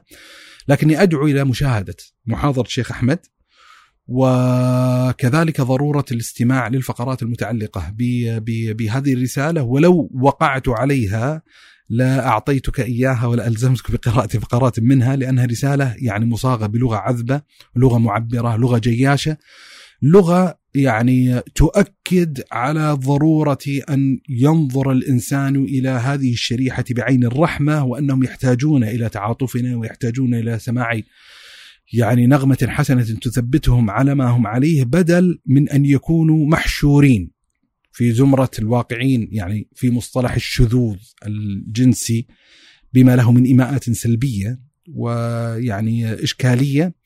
فيعني خلاصة الكلام أن نحتاج إلى ابتعاث جهد إسلامي لمعالجة ما يتعلق بهذه القضية وأن يعني لو أراد الإنسان بس حتى يعبر عن حجم المأزق الذي هو موجود في مشهدنا مثل المحلي السعودي ما مين موجود؟ والله أعلم. يعطيك العافية أبو صالح. جزاكم الله خير وحفظك الله.